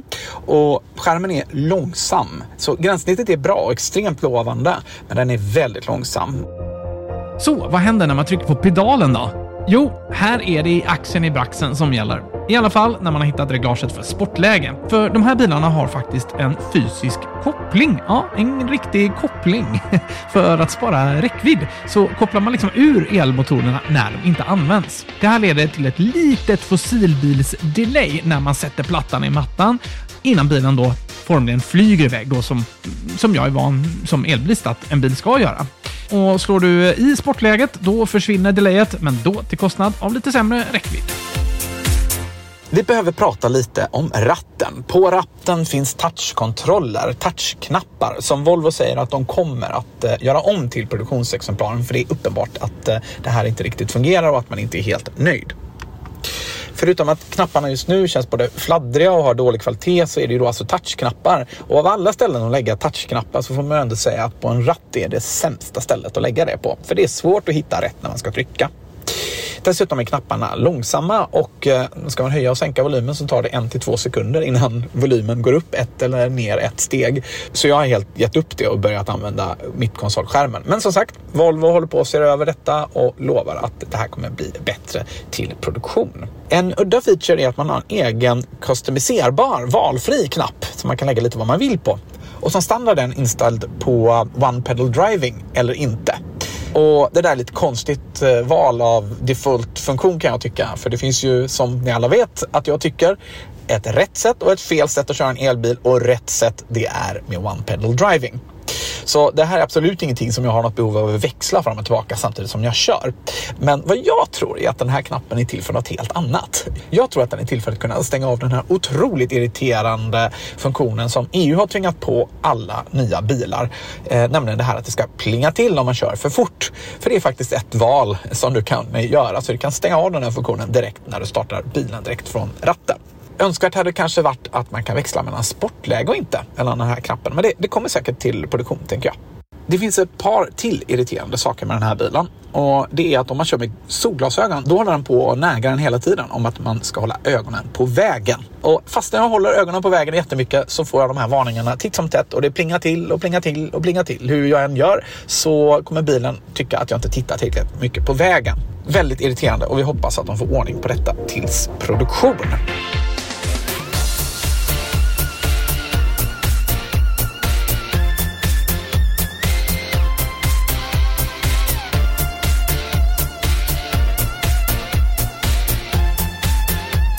Så sammanfattningsvis. Volvo XC30 är en otroligt snygg elbil i ett kompakt format och den är snabb och kvick och väldigt rolig att köra måste jag säga. I alla fall på spanska vägar, så kan jag säga. Ehm, den har ett helt omdesignat mittkonsolgränssnitt som verkligen ser lovande ut. Men Volvo behöver få ordning på lagget och det där kan nog vara svårt. Så min oro är att de nog inte helt kommer få till det där. Jag tror själv att den här datorn i den här eh, mittkonsolskärmen är underspesad helt enkelt. Även knapparna på ratten är en total dealbreaker, vilket också Volvo håller på att se över. Det tror jag de kommer få ordning på. I övrigt är det en otroligt trevlig elbil. Det är bra ljudanläggning i den. Det är en trevlig miljö eh, inomhus, även om jag tycker att den är överdesignad. Men smakar är som baken. På utsidan är den i alla fall inte överdesignad. Den är otroligt välavvägd och snygg på utsidan.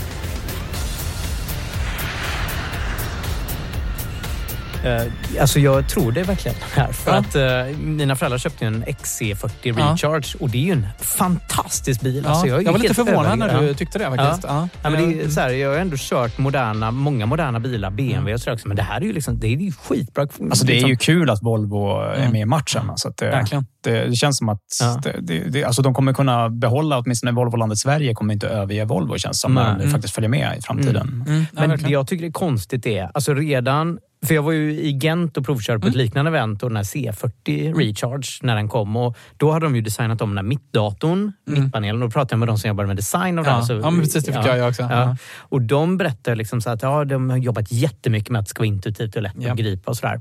Och den var ju väldigt snabb och responsiv. När, eh, liksom. Så det är väldigt konstigt att du beskriver att den är slö, att de har gått tillbaka igen. Ja, alltså ehm, det de har gjort är att de har ju omdesignat hela gränssnittet och det är verkligen ett superlyft. För det var ju ett problem med den bilen du körde. Mm. Eh, och de har inspirerats av de bästa här. Så enkelt är det. Eh, det är, andas väldigt mycket Tesla. Den, mittskärmen är ju eh, st- stående. Den är fortfarande ganska liten, 12 tum bara. Men förlåt, är är det inte så att liksom man behöver hålla skillnad på... Det kommer vara väldigt stor skillnad mellan olika Volvo-bilar här. För att det finns ju dels de som byggs... Nej, i, det här är, vad, det Nej. här är det de, som de kommer släppa. Det, det är faktiskt planerat egentligen att komma till nästa modell.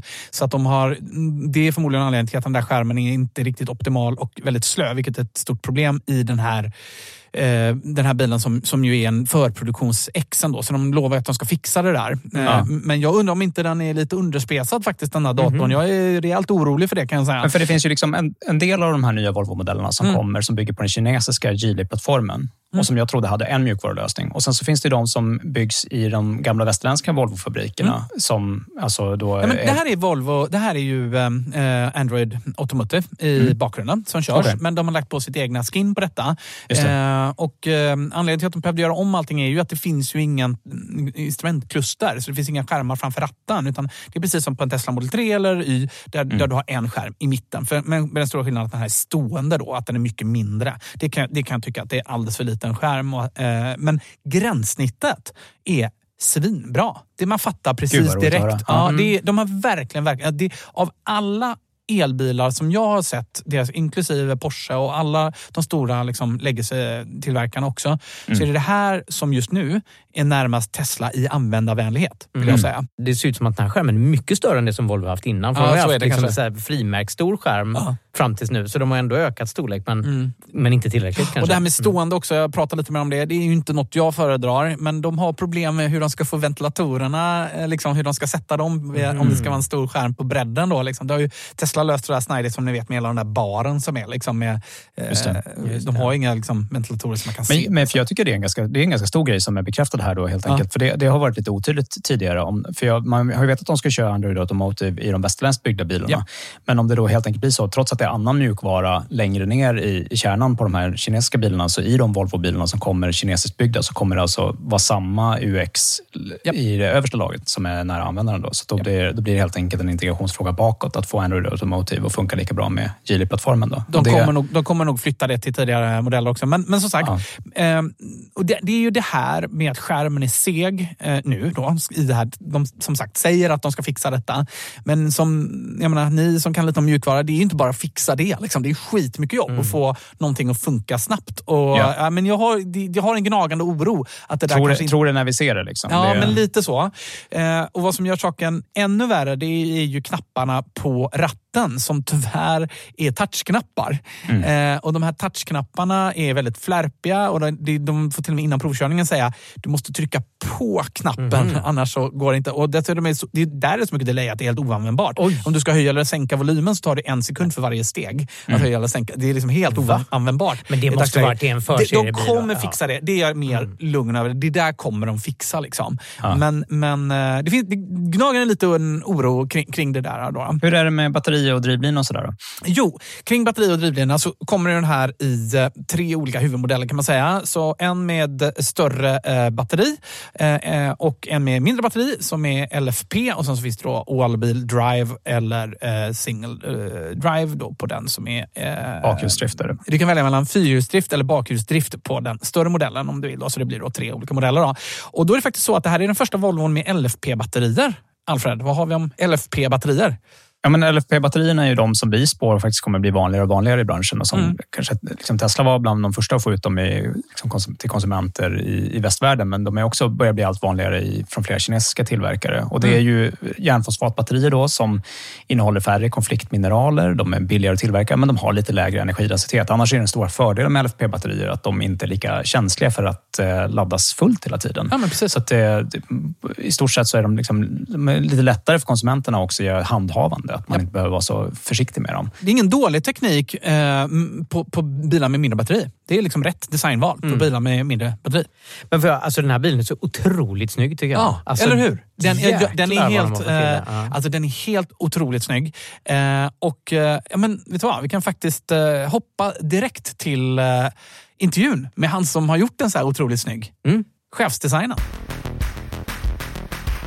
Ja, alla verkar eniga om att EX30, det är en vacker bil, åtminstone på utsidan.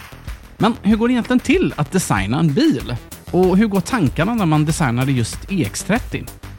Jag fick en exklusiv intervju med chefsdesignen för exteriör design. T. John Meyer. Yep, head of exterior design. Och häng med nu, för nu blir det bildesignsnörderi på den högre nivån. Så ha gärna en bild på EX30 i bakfickan så att du kan hänga med.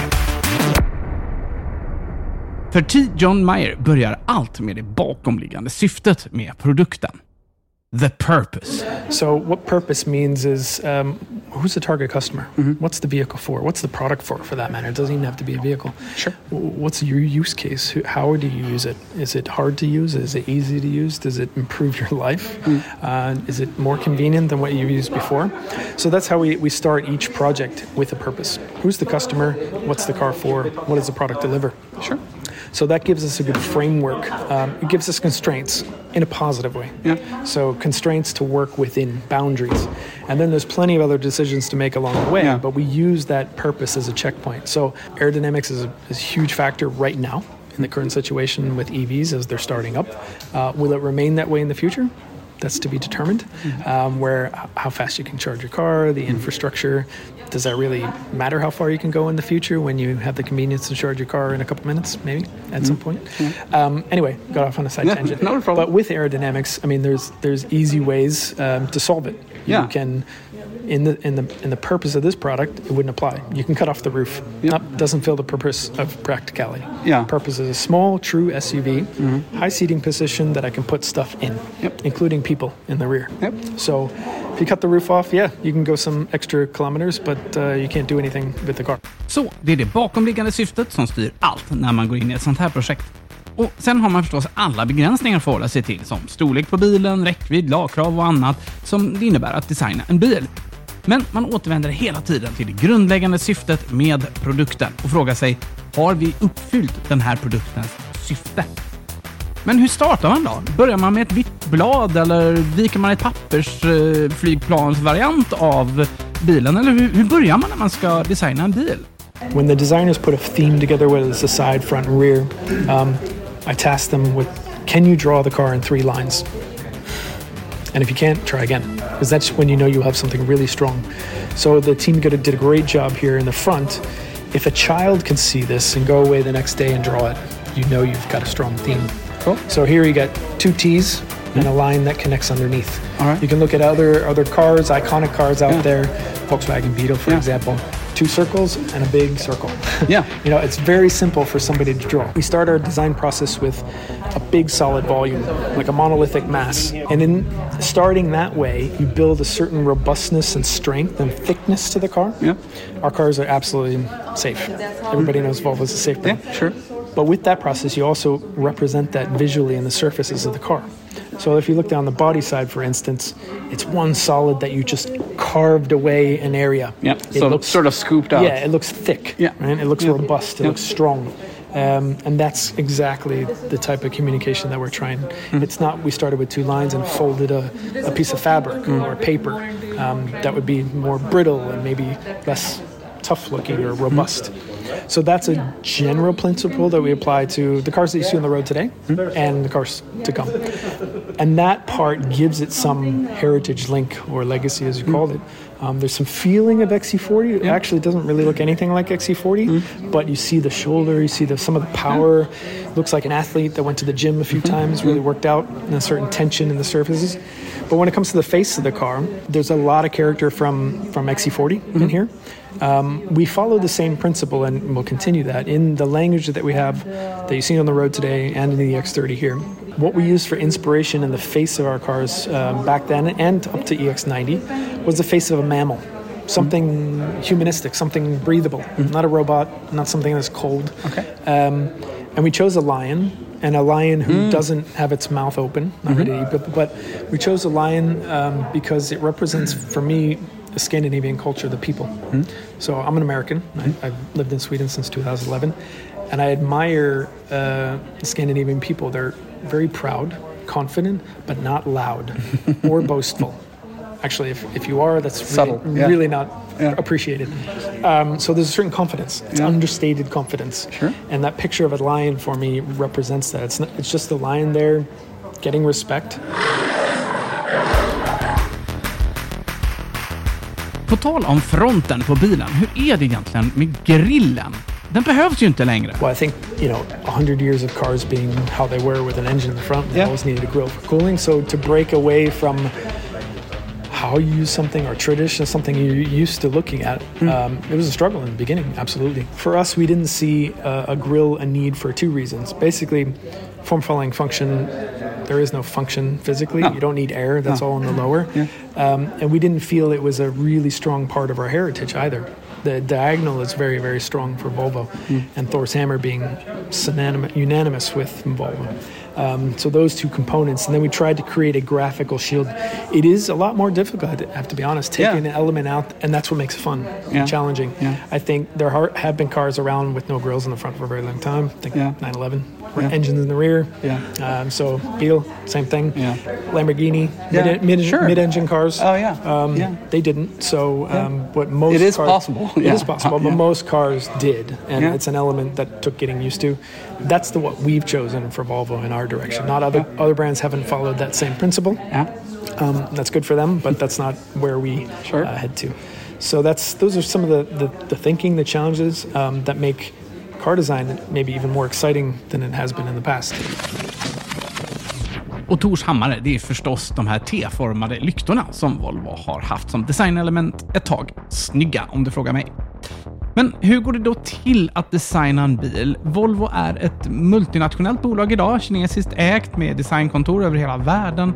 Hur gör man egentligen när man ska samarbeta? För visst är det väl så att man fortfarande använder en hel del lermodeller och sådär för att kunna se hur bilarna ska bli i verkligheten? Eller gör man allt digitalt numera?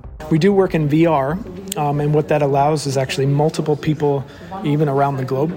So we have a, an office in Shanghai. Mm-hmm. All right. And we get into the same virtual world, Yeah. like like a Ah, space cool. like this. Ah, yeah, like a Zoom meeting, but uh, yeah, but virtually. in 3D. And you Yeah. can see Yeah. people's hands All right. and laser pointers, and Oh, wow. you can walk up, talk to each other in a Uh-huh. virtual world. That you can say, hey, let's look at this area. We can even look at, like a museum, we have sketches on the wall in virtual reality. Mm-hmm. But you're always learning something when you mill it in full size. Yeah.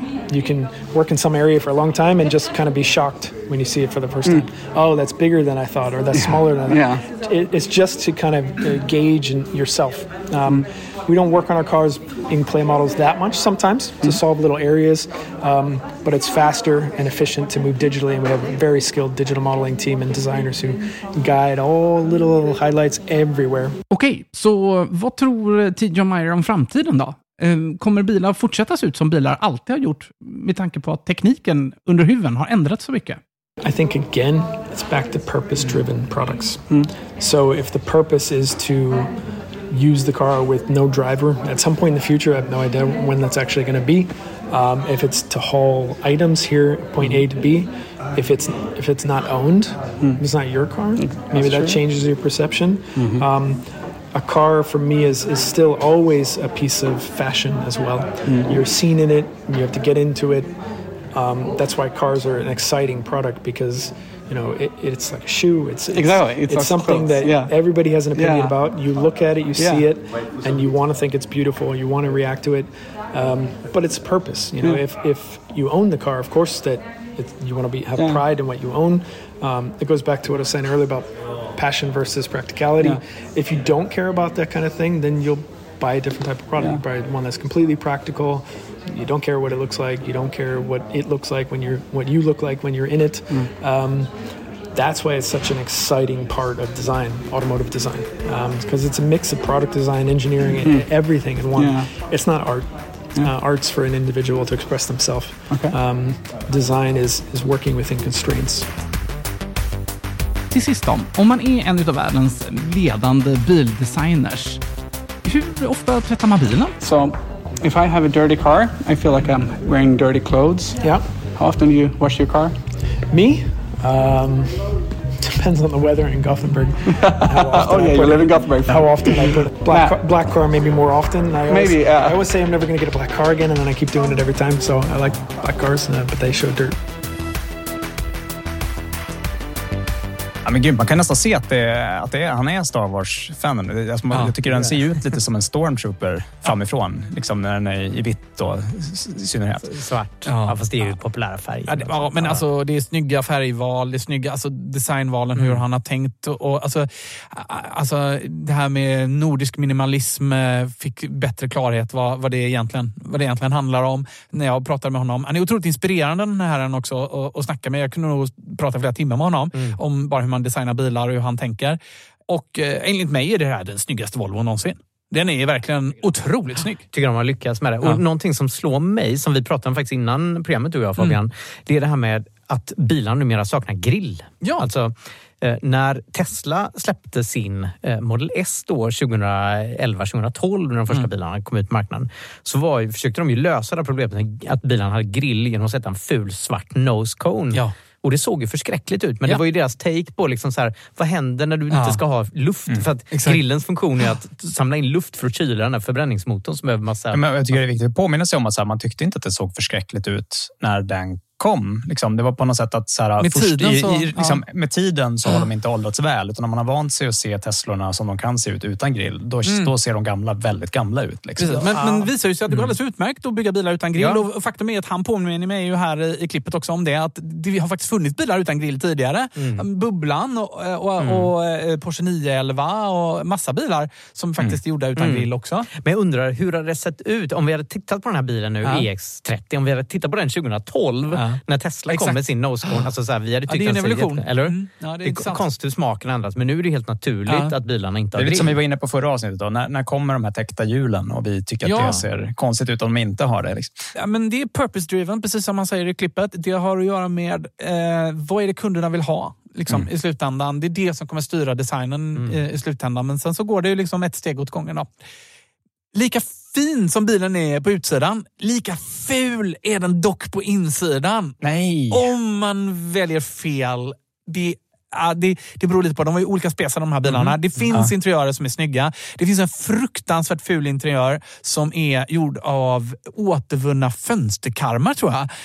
Eh, som Okej. inte, den är bara inte snygg Är den den texturen. med prickig... Den är prickad, den ser ja. bra ut på bild men den är inte snygg på, i, i Ja. verkligheten. Ja, men jag tittar lite på bilderna, den ser inte bra ut där Nej, heller. nej, precis. Sen kan jag tycka att den ser lite bulkig och plastig ut. Liksom, designen på insidan. Stolarna är skitsnygga och resten, men liksom, det är just mest det här plast, plastiga liksom, interiören. Det, det känns lite Mhm. plastigt måste jag säga. Mm. Eh, men eh, som sagt, utsidan är vacker. Okej, och jag tycker du hastade förbi lite för, i batterier och sådär. Hur är det med Precis. räckvidden då på den här? Ja, eh, så den större modellen ger en VLTP-räckvidd på 475 kilometer. Eh, och det är ju då 17 kilowattimmar per 100 kilometer. Och det tror jag faktiskt kan stämma. Den har rätt bra... Eh, den, den, den, jag tittade lite i statistiken efter att jag har kört också. Liksom. Den, den ligger rätt bra till. Det är ju där inte någonstans. superbra effektivitet och det är inte superbra räckvidd heller om man får vara den som är lite Nej. partypooper nu då. Ja, jo, absolut. Så får man säga. Om vi nu ska ska prata mer om vad som inte är bra så ska vi prata om eh, hur snabbt den här bilen laddar. För LFP det ger ju lite lägre effekt då vid snabbladdning. Så det är den billigare varianten då eh, som eh, snabbladdar som snabbast eh, på 134 kilowatt. Eh, och det större batteriet med NMC-kemi som vi ju känner igen med litium och så vidare. Eh, det är ju inte heller jättesnabbt. Det klarar 154 kilowatt. Eh, Men de säger att i båda fallen så ska det här eh, då göra att bilen laddar från 10 till 80 procent på 26 minuter. Det måste jag säga att jag inte är superimponerad av som Tesla-förare. Måste jag ju säga. Nej, Nej det, det är inte toppen. Det, det är inte. Det är inte sämst, men det är ju, inte, det är ju verkligen så här mitt i fältet på något sätt. Liksom. Så är det. Så är det. Ehm, och startpriset på den här bilen är 429 000 kronor. Det är bra däremot. Mm, Det är en- väldigt bra. Det är väldigt bra, men det är ju en ganska liten bil ju.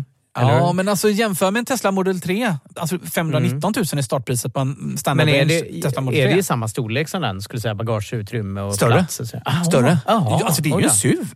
Det är mini-SUV. Men jag, jag det här är ju att det är liksom en hatchback liten... då. Det är större, inka- liksom, större, större lucka och lättare att lasta då. Liksom. Ja. Mycket lättare att lasta. Ja, men jag har tänkt på så här, EX30. Jag tänkte att modellbeteckningen är liksom mindre än Ja, men den är XC40. mindre. Det är ju, alltså Volvo har inte riktigt gjort en sån här bil innan. Mhm. Det är liksom en mini-SUV. Är det. Det, det är en SUV fast i litet format. Du får in en, eh, en eh, jag menar för barnfamiljen med barnvagnar och eh, kläder och väskor och allt man Men behöver. den är mindre än Model Y i alla fall, måste Ja. man tänka. Ja, det är den. Så att i last så kan den jämföras med Model 3, fast Model 3 är en sedan då. Så att det Mm. finns fördelar med att den är Mm. lättare att lasta för att den har en större lucka där bak. Då, Ja, liksom. när jag frågade så här, hur betecknar ni den? Säger ni att det är en, en kombi eller vad säger ni? Bara, de tittar på mig som att jag inte borde vara där. Det är en crossover. och så sa de, nej det, det är en SUV. Ja, okej. Ja, okej. Ja, ja, så, Men ja. det är också så här, den här är ju byggd från ground up och var en elbil. Ja, eller hur? Till verkligen. skillnad från deras tidigare bilar. Det är egentligen första gången de släpper en bil som är byggd eh, för att vara en elbil. För de bilarna som finns på marknaden idag är ju egentligen XC40 är ju en,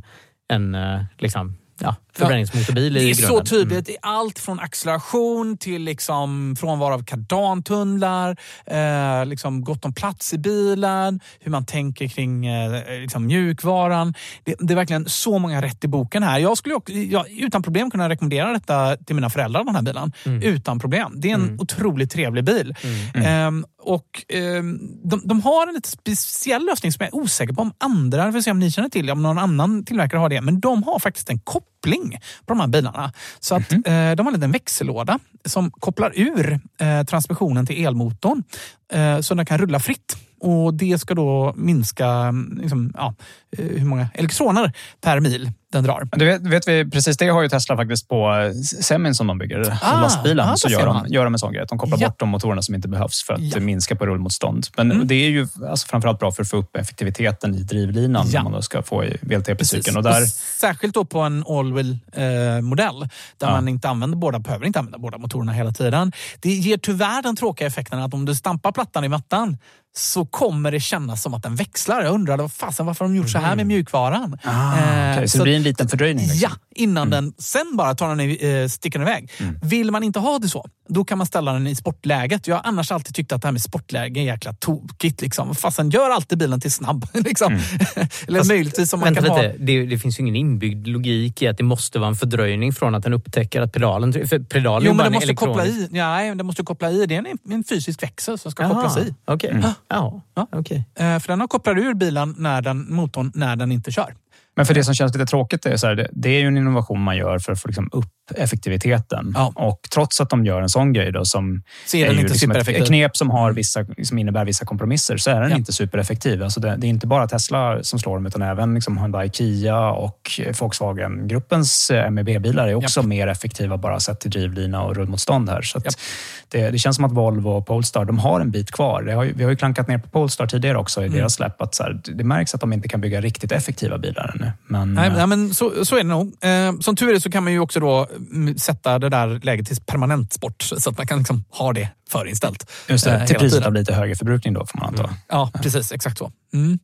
Ha, tror ni att det här blir en Tesla-dödare? Det är jäkla bra pris och en jäkligt snygg bil. Tesla-dörrar blir det ju absolut inte, men däremot så hoppas jag i alla fall att det fortsätter att gå bra för Volvo. De har Mm. ändå, det har gått ganska bra för Volvo. De har haft fina marginaler. Ja, nej, men- på ganska bra för dem. Alltså jag tror att de, de gör helt rätt med att prissätta den här bilen så här. Och det, alltså man kan ju notera att räckvidden på den dyra varianten här, den Mm. long range-modellen, den är alltså sämre än den billigaste Tesla Model 3. Då. Så de har helt enkelt valt att ha mindre batterier och därmed lägre pris Mm. eh, för, och till, till kostnad av att man får faktiskt mindre räckvidd i de här bilarna än vad man får med Tesla. Då. Eh, men det tror jag de gör helt rätt i. För nu, nu väljer de helt enkelt att gå efter en marknad som fortfarande tycker sig inte ha råd då med, med Tesla även efter prissänkningarna. Och det tror jag de gör rätt i. Där finns det nog många kunder att hämta Ja, tror jag. det och tror det, jag. det tror jag är, är rätt taktiskt val av dem helt enkelt. För de bara styr på den där uh, mjukvaran så den är lite rappare så har de en toppenbil här. Um, mm. Ja, var men den då- något sån här eh, neutral? Ja, eh, liksom, jag tycker det, du höll i det. Det var Ja. inte för kladdigt av Ja, men hummersåsen. bra. jag tycker bara, liksom, när vi ändå är inne Ja. på Volvo, innan vi skyndar oss vidare, Ja. så tycker jag det är värt att nämna. För det, som vi ska höra lite längre fram i avsnittet så har det varit lite rapportkavalkad från Mm. mm. elbilstillverkare och andra eh, nu under eh, när, när tredje kvartalet är slut. Och det som är kul med Volvo att se det är att det går ganska bra för Volvo Mm. med elbilarna. Eh, Volvo är ett av ganska få bilföretag som har positiva marginaler på Mm. sina elbilar. De har sämre marginaler på elbilarna än på de konventionella bilarna, så det drar ju ner lönsamheten i Volvo att de behöver göra den här övergången. Men i och med att de har passerat det kritiska nålsögat, de har tagit sig till en plats där de är lönsamma med elbilarna som säljer, så går det att satsa på expansion. Så det verkar som att Volvo är ett av bilföretagen som ändå accelererar sin elbilssatsning nu och vågar gå offensivt på det. Och det är ju Mm. väldigt, väldigt kul med svenska ögon att Volvo är ett av de företagen. För det finns många andra som vi ska höra senare som Men har det problem. kan ju vara så att det är billigare för Volvo att eh, producera sin XC40 Recharge och C40 Recharge för att de redan gör XC40 bensinvarianten. Så de, har ganska, de kan ha ganska goda marginaler för att de har de har redan bilen så att säga. Men det har väl ganska- andra tillverkare också? Nej, inte de som bygger... Alltså när Kia bygger sina elbilar från grunden upp så är det en totalkostnad. Så här, smack för drivlina, forskning, hela Ja, just paketet. det. Men det är ganska tråkigt att se nu att det är ganska många av de stora legacy-biltillverkarna som börjar backa på sina elbilssatsningar lite nu för att de har dåliga marginaler. Vi ska återkomma till det Fabian. Så, Mm. Men jag tror ju att synergierna du pratar om, Anders, det är ju framförallt att de här nu kan åka snålskjuts på hela Geelys elektrifiering. vilket gör det. att eh, Volvo får med sig skalan just väldigt det. tidigt och har mycket billigare kostnader för batterier det än vad många av de andra Just mer eh, självständiga då, konventionella biltillverkarna har när de ska göra sitt Så det att Volvo var sena på bollen här, som vi ändå kritiserat dem ganska mycket för, det kan ju liksom så här, det, det var nog lite bra för dem nu egentligen då. För att, De har tagit igen det genom att de har fått saker från Geely-koncernen. Ja, eller det är mycket rabalder i debatten om att så här, det är prisdumpning från de kinesiska tillverkarna. Och det vi inte ska glömma då det är att Volvo är Ja, en av är dem. kinesisk Ja, det. tillverkning. Ja, men Ja, precis så är det. Ja, vi får se om eh, Anders lyckas hålla sig lika neutral för nästa vecka. Det är det han som ska smörjas. Då ska Ja, du till... precis. eh, Jag ska till Saint-Tropez och provköra men- Kia E EV. Ja, vad så trevligt! Ja.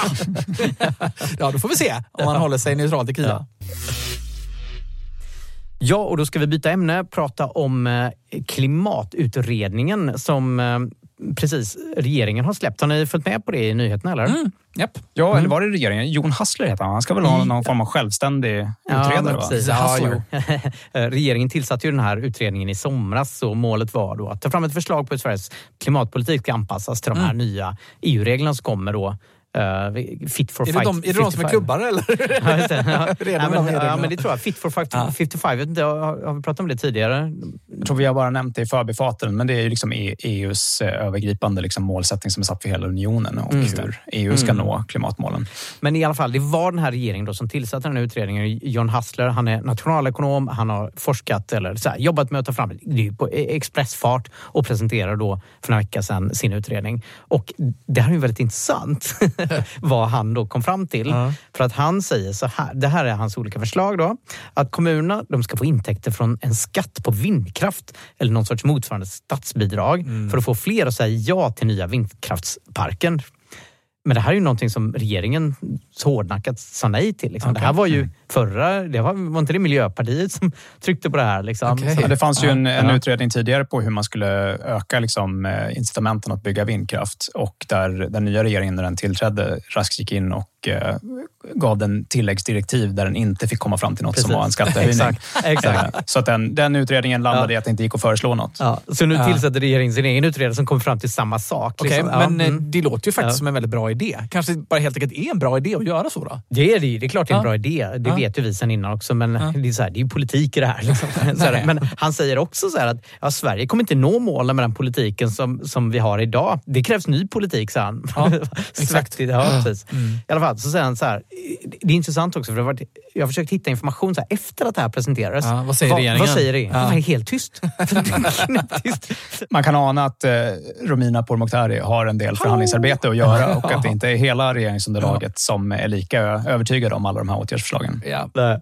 Han föreslår också att man ska införa nationell handel med utsläppsrätter för transporter och sådär. Så att de som vill kunna göra utsläpp, de ska då få köpa Mm. eh, utsläppsrätter. Det innebär ju då, Nationell handel istället för den internationella Sverige. som Exakt. har... Ja. och det skulle innebära då att bilförare på landsbygden till exempel som vill eh, köra sin förbränningsmotor, ja. de måste köpa utsläppsrätter. då. Precis.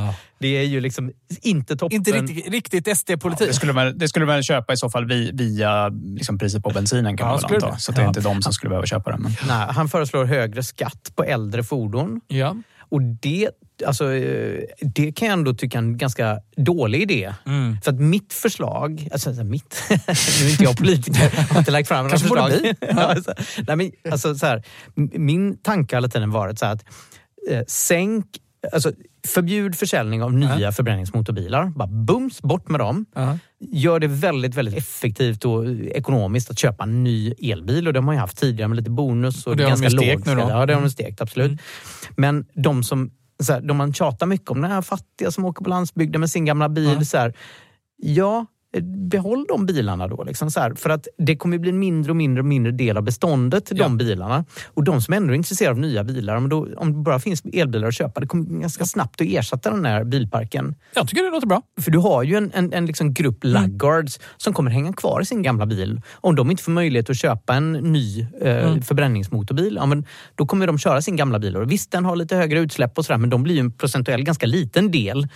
För att vem Ja, vill det är sitta... lätt att tänka att eh, alla tänker som oss och vi kör ju ganska mycket bil, alla vi tre. liksom därför vi sitter i det här samtalet tillsammans också. Ju. Eh, Men det finns ganska många som kör liksom 200-300 mil om året. Liksom. Det är det de gör. De åker fram och tillbaka till mataffären då och då, gamla människor och sådär. De har inte nödvändigtvis rå- råd att köpa en ny bil. Men för dem så blir det inte någon jättekostnad heller. De har ju svårt att räkna hem det då, liksom, Mm. och köpa en ny bil. Utan Mm. då får de köra på. då. Det är Mm. ganska få mil i Ja, vid, slutändan. och vid någon tidpunkt så skrotas den där bilen Ja. då går det ändå inte att köpa nya förbränningsmotorbilar. Nej. Ku- Kullerbyttan är ju också liksom alltid att man pratar om så här, hur ska vi som bor på landsbygden ha råd att köpa elbilar? De är ju svindyra. Liksom. Mm. Och så jämför man hela tiden att de, vad det kostar för dem att köpa en begagnad förbränningsmotorbil Ja, med vad det kostar Ja. att köpa en ny elbil. Ja, exakt, och liksom, exakt. Poängen någonstans är ju att här, man måste, de som har råd att köpa en ny bil, det är ju i allmänhet välbemedlade människor. Japp. Och det är de som ska välja en elbil Mm, så att japp. det så småningom bara är elbilar att välja på även på andrahandsmarknaden och de Mm. kommer ner i pris. Och överlag så kan man säga att de här förslagen handlar väldigt mycket om elektrifiering av fordonsflottan. Det är i stort sett Mm. det han fokuserar på i, sin, eh, i sitt förslag här. Då.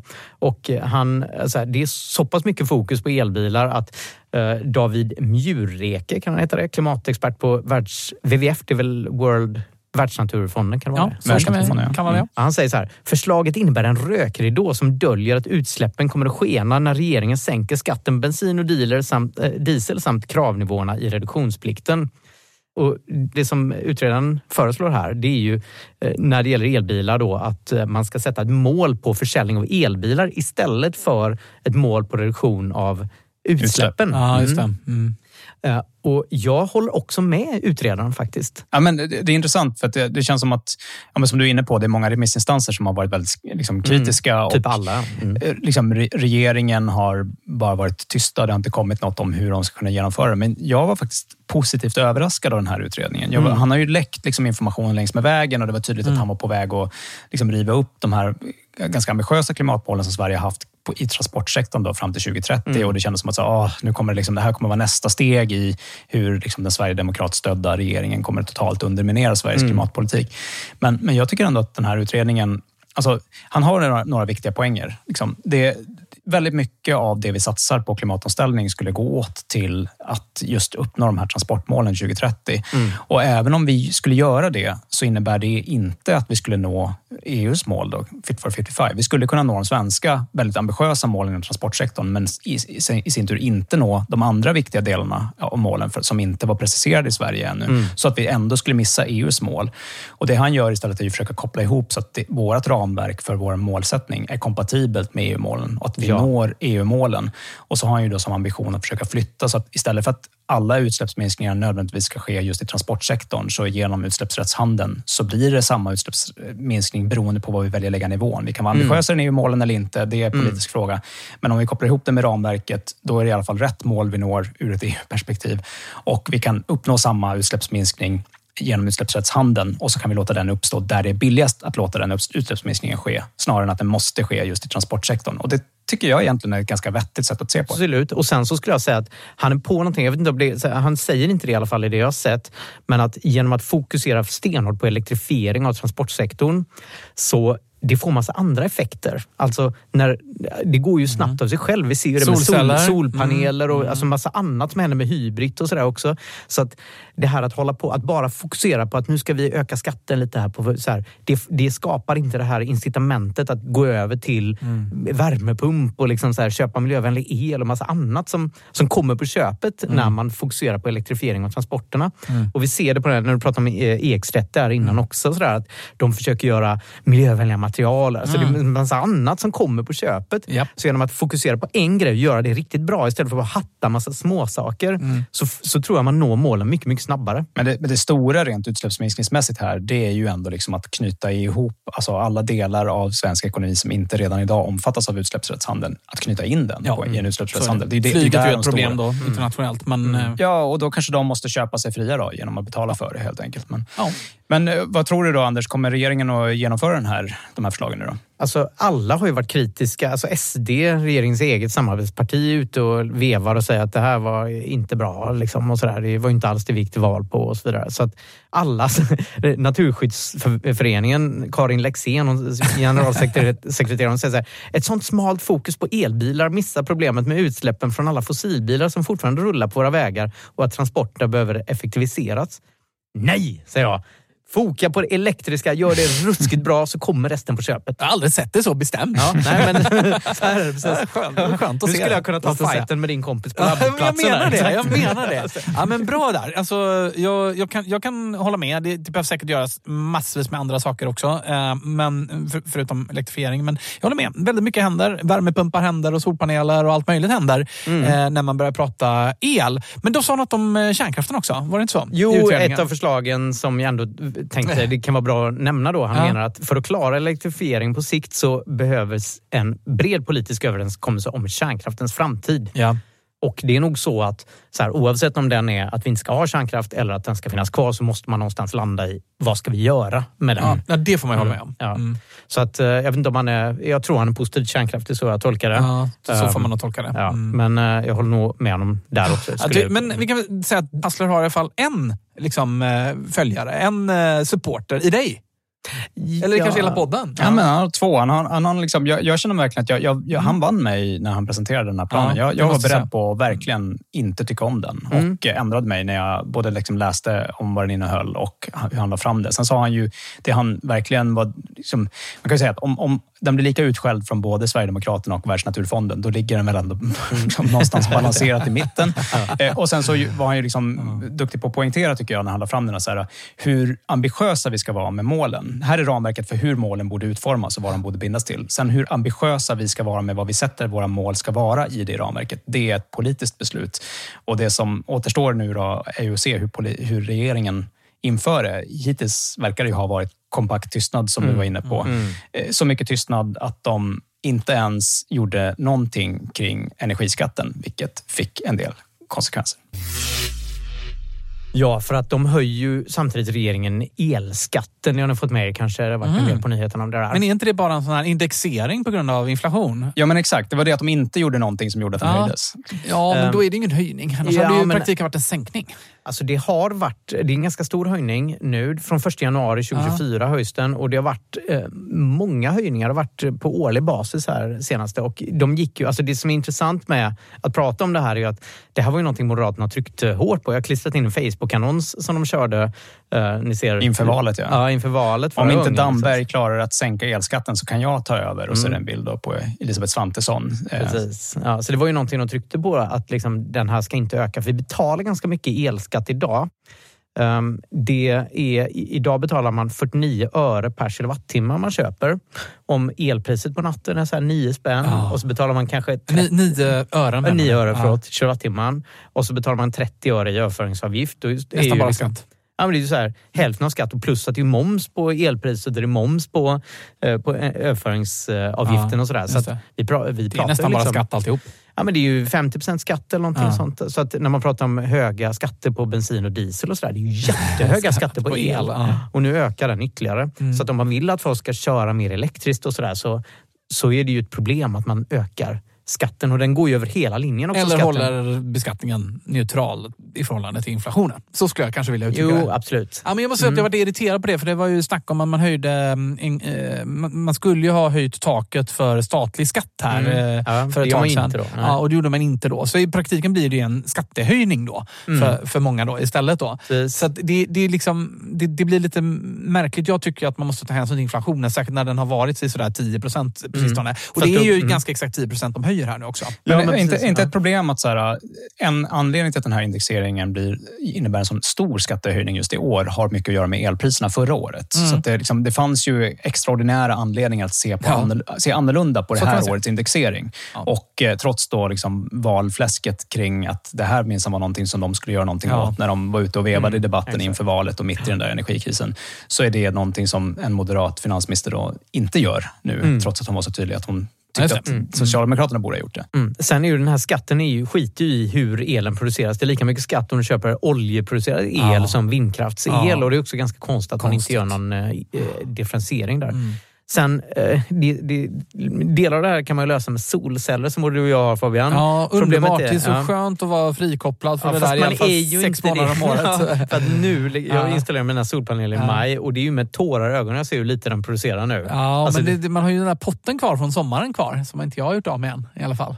Ja, jag vet inte hur ser man att man har en pott? Alltså, I regel får man inte utbetalt liksom det man har sålt under sommaren utan det blir liksom en pott som mm. dras av eh, sen under vintern. Men då får ni utbilda Svarte Petter här i, mm. podden som inte har några solceller ännu. Liksom, när ni håller på att utnyttja en pott, då slipper ja. ni verkligen den här skatten. Är det inte så att ni får betala skatt på överföringen eh, fram och tillbaka ändå? Liksom? Så här är det, att eh, du får ett skatteavdrag. Så att, eh, de ska ju vara neutrala. Skatt och överföringsavgifter, det ska ju vara neutralt. Så att, att sälja är i princip neutralt. Det kan skilja lite lite mellan vilket elprisområde du är och vilken elleverantör, nätleverantör du har och sådär. Men eh, i princip är det neutralt. Det. Så om skatten höjs med den här indexeringen, då kommer du betala mer för elen du köper. Men du kommer också få motsvarande höjning på priset ut när du levererar Det vet jag inte om även den gränsen för hur mycket man får. Man får ju 60 öre per kilowattimme som man säljer får man ju liksom tillbaka då. Mm. Eh. Men det är ungefär vad man betalar. Jag betalar ju ännu mer i Exakt. överföringsavgift och skatt. Ja, men precis. Så att, eh, med den här höjningen så blir det lite mindre attraktivt att sälja elen ut från sina solceller. Då mm. blir man lite mer sugen på att ett batteri eller, eller så. Mm. Mm. Men samtidigt så, jag producerar så lite nu så att, eh, plus att elen är väldigt dyr att köpa. Ja. Alltså nu dagtid och även nattetid. Jag betalar 60 öre nu kilowattimman billigaste tiderna på Oj, det var mycket. Ja, ja, men. Titta i din uh, Tibber-appen så ser du vad elpriset ligger på nu just nu. Det är ganska höga elpriser. Mm. I somras när jag producerade massa solel, men då fick jag ingenting betalt för den här jävla skiten. Usch! Mm. Ja, usch, usch, usch. Ja. Kan man investera i vindkraft? För det eh, funkar ju jag bra. Jag har en kompis som har ett mm. eget eh, vindkraftverk. Det går utmärkt att göra. Det finns utrustning som inte är särskilt dyr heller. Mm. Eh, och det är liksom, eh, du kan få en 3 kilowatt som producerar. Det är inte mycket. 3 kilowatt säger du då. Jo, men, men, det är ju ja. vintertid och nattetid dygnet runt när det Just blåser. Det. Men kan man ha det i ett villaområde? Jajamensan, det kan man. De, han har det monterat på sitt hus till och med och menar att det inte låter någonting. Vi kan intervjua Emil, min kompis, som har satt upp det tillfälle. Ja, det här är jag intresserad av. Det får vi återkomma till hörni. Vi har bråttom vidare. Ja, jag tänkte vi skulle avrunda med att bara kolla lite snabbt på alla bilföretagen som har eh, skickat ut rapporter nu efter mm. kvartalsavslutet. Och det är faktiskt så att BYD de slår nya rekord samtidigt som Tesla bromsar mm. på sina håll. Och eh, det verkar överhuvudtaget vara liksom en vikande efterfrågan i marknaden nu efter ett mediokert Q3 det är mängder av tillverkare, lite som du var inne på Fabian. Allt från Volkswagen-gruppen till Ford, ja. GM, Stellantis. De verkar ha stora problem med lönsamheten på elbilar och priskriget som har letts av Tesla och de kinesiska tillverkarna ställer verkligen till problem för, för många av de andra bolagen. Eh, Stellantis, GM, Ford, de verkar nu vara på väg att senare flera tidigare investeringar i batterifabriker och eh, utökad produktion av elbilar. Och det är för att inte tynga de kommande resultaten för mycket. De har helt enkelt problem med vikande marginaler nu när försäljningen dalar. Ja. Och eftersom elbilarna är liksom fortfarande då det ekonomiskt svarta får för dem så ja. är det där de börjar dra ja. åt svångremmen för att inte sälja för många olönsamma elbilar när mm marginalerna samtidigt då sjunker på ja. de konventionella bilarna. Det där tror jag kommer bita dem ja. totalt i svansen om ett par år. Det tror jag också. Ja. Nackdelen mm. är såklart att det gör att det försenar de här tilltänkta skalfördelarna som de hoppades uppnå. Så det gör ju att eh, de rena elbilsbolagen och de som har hunnit längre i omställningen och vågar fortsätta satsa nu, de kommer ju få ett försprång som mm. blir ännu större än vad det hade blivit annars. Eh, och liksom, kan man inte snabbt komma upp i, i volymer på de här elbilarna, då blir det ännu svårare att ta ikapp sen. För konkurrensen kommer inte sitta still, utan det blir ännu svårare att vara liksom, prismässigt konkurrenskraftig när de väl kommer dit. Då. Det här har det, ju du, oraklet Alfred Rut, pratat om tidigare. Att det här året kommer bli tufft för eh, de traditionella biltillverkarna som går back för varje bil som är såld. Mm. Vissa siffror jag har sett har ju liksom varit sådär liksom 35 000 dollar back per bil för vissa av de här tillverkarna. Det är rejält back de går några av de här. Ja, alltså Ford är ju ett av de här stora företagen. Det är de amerikanska faktiskt som har mest problem nu skulle jag säga. Ja. Och det, liksom, det är ett av de företag som är föredömligt mest transparenta kring hur det går för deras elbilar. Och där har ju man liksom tydligt kunnat se, från de separerar ut sin elbilsdivision, så man kunnat se hur stora negativa marginaler de har. Och mm. de har varit hisnande, som du varit mm. inne på. Det, det som är riktigt, riktigt illa nu då, det är att de har vänt neråt och blivit värre Ja. ännu mer mm. olönsamma det senaste kvartalet. Tidigare har de liksom varit på väg att ta sig uppåt och de har pratat om när de ska nå positiv lönsamhet på, på elbilarna. Men det går åt fel håll helt enkelt för Ford nu. Alfred, bara så jag förstår det här. Det är inte så att de Eh, om de slutar sälja, om de säljer en bil mindre så sparar de 35 000 dollar? Jo, det är precis så det är. Alltså, de har ju naturligtvis overheadkostnader som är mm. fasta oavsett. Mm. Så det, om de inte sålde någon bil skulle de också förlora en massa pengar. Men det är verkligen så att de går back. De säljer bilarna, är tvungna att sälja bilarna för lägre pris än vad det kostar att tillverka dem. Mm. Så för varje extra bil de säljer så gör de en större förlust. De, de har inte hunnit liksom rampa upp produktionen och de är inte i fas med marknaden. Dessutom är det så att marknaden har faktiskt skiftat över lite mer till vanliga traditionella bilar eftersom de är regel billigare. Och då tolkar... Men vänta, nu säger ni två olika saker. Nej, här. men det gör vi inte. Nej. Så att, eh, andelen elbilar minskar faktiskt eh, lite just nu och det är på grund av att elbilarna oftast är dyrare. Men om så... de inte har hunnit rampa upp produktionen, då är det ju overheadkostnad. Du pratar om, Alfred pratar om den faktiska kostnaden att producera en bil. Mm. Att skruva på en uppsättning mm. hjul, då kostar de hjulen mer, liksom, eller vad nu är, drivlinan, i inköp. Ja, men exakt. Alltså, de, de ligger för högt i hur mycket de behöver betala för alltså elbilskomponenterna som så småningom leder till en elbil. Så att, och liksom, eh, de stora satsningarna som de har aviserat tidigare handlar om att bygga nya batterifabriker och nya större tillverkningslinjer mm. för elbilarna så att de kan nå eh, lägre tillverkningskostnad på de här elbilarna. Så att när de säljer elbilarna för samma pris som idag är lönsamma på de elbilarna istället. Men där är de inte. Mm. Och eftersom det här fortfarande är en ganska liten del av de här stora koncernernas eh, liksom, totala tillverkning, men de har problem med vikande lönsamhet över hela linjen. Mm. Och det är viktigt för aktiemarknaden att de visar inte för dåliga marginaler eller ännu värre börjar visa förluster. Så bromsar de nu hur mycket investeringar de gör i elbilarna. De, är, de, de vågar helt enkelt inte plöja ner all den capex som det innebär att bygga de här nya fabrikerna, vilket försenar när det, de når de här stora volymfördelarna och därför kan börja konkurrera prismässigt. Mm. Och under tiden kommer ju de tillverkare som fortsätter att satsa och de rena elbilstillverkarna att hinna ännu längre på hur lågt de kan sälja sina, till vilket låga pris de kan sälja sina elbilar, vilket gör det ännu, ännu svårare att komma ikapp sen. Då, helt mm. enkelt. Och så utöver det här så har du dessutom en kostnad på R&D, alltså utveckling av bilarna, all forskning och utveckling och allt kopplat till det där. Då. Ja. Fy vad hemskt, stackarna. Det låter ju som att eh, de borde ha satsat på elbilar tidigare. det kan man säga. det låter ju så. Ja. Det, det, det är ju verkligen så att eh, de är ju pressade också av strejken. Det, alltså, det kan man, jag, jag tycker det är viktigt att sympatisera med bilarbetarna som bygger de här bilarna. Det finns mycket som talar för att de borde ha bättre villkor och så vidare. Men man kan ju tänka att amerikanska fackföreningsrörelsen som har drivit på väldigt, väldigt liksom, kraftiga löneökningskrav på de amerikanska tillverkarna nu. Mm. De har ju liksom mycket, baserat mycket av sin argumentation på att de senaste åren har varit extremt lönsamma för de här ja. biltillverkarna. Och de har, tror jag, inte insett vidden av vilken rävsax de här tillverkarna sitter i. För de har nu krävt jättehöga löneökningar, vilket ytterligare försämrar deras, de här tillverkarnas förmåga att vara konkurrenskraftiga med elbilarna. Vilket riskerar faktiskt leda till att de här tillverkarna inte kommer att kunna överleva. De har ju mm. gått i konkurs, flera av dem. Inte Ford dock, men både mm. GM och eh, Chrysler då, som är en del av Stellantis nu, de gick ju i konkurs i finanskrisen. Det, det är lätt att glömma att det var inte så länge sedan de här tillverkarna gick i konkurs och fick återfödas. Och det återstår väl att se om de kan återfödas ännu en gång till ifall det skulle mm. hamna där då, helt enkelt. Mm.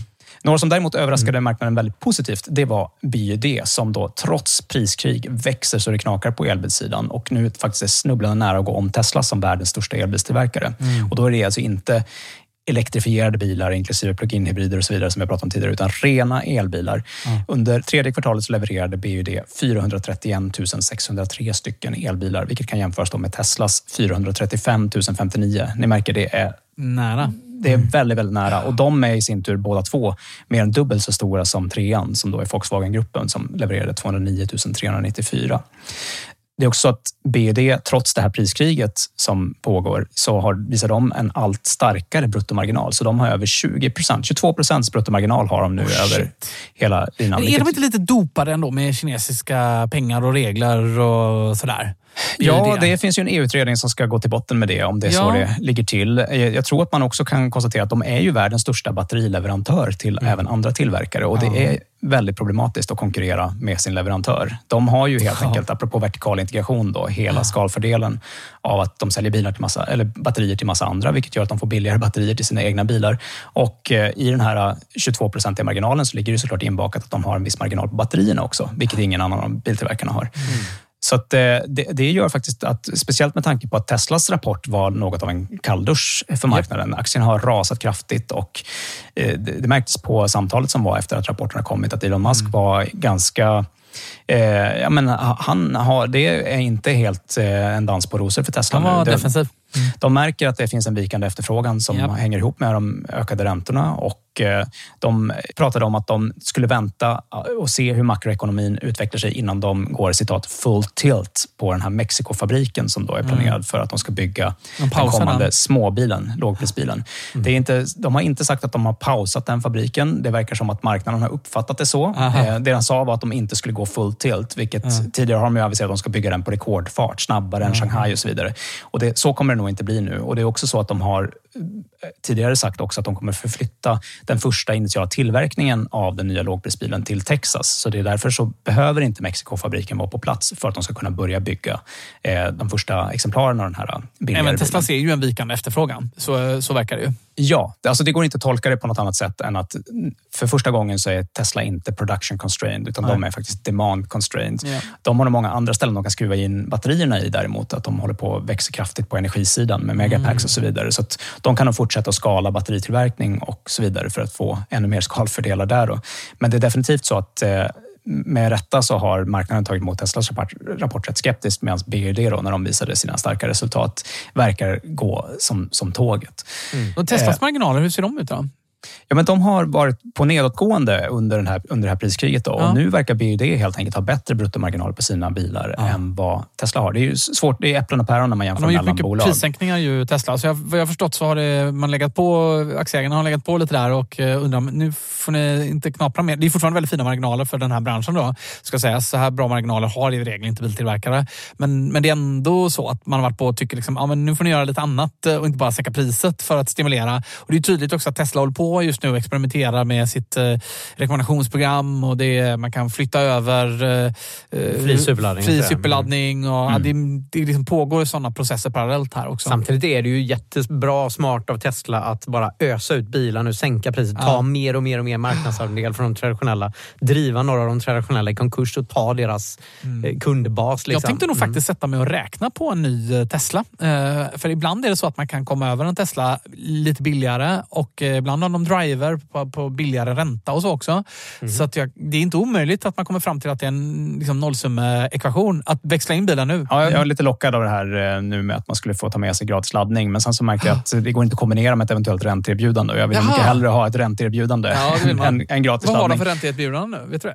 Nej, just nu verkar det inte vara någonting, Nej. men det är för att vi är i början av kvartalet. Nej, det det, kommer. det, Ah, det, kan nog, det kan nog komma mot slutet av kvartalet. Om man Kanske ska det blir en Highland ändå.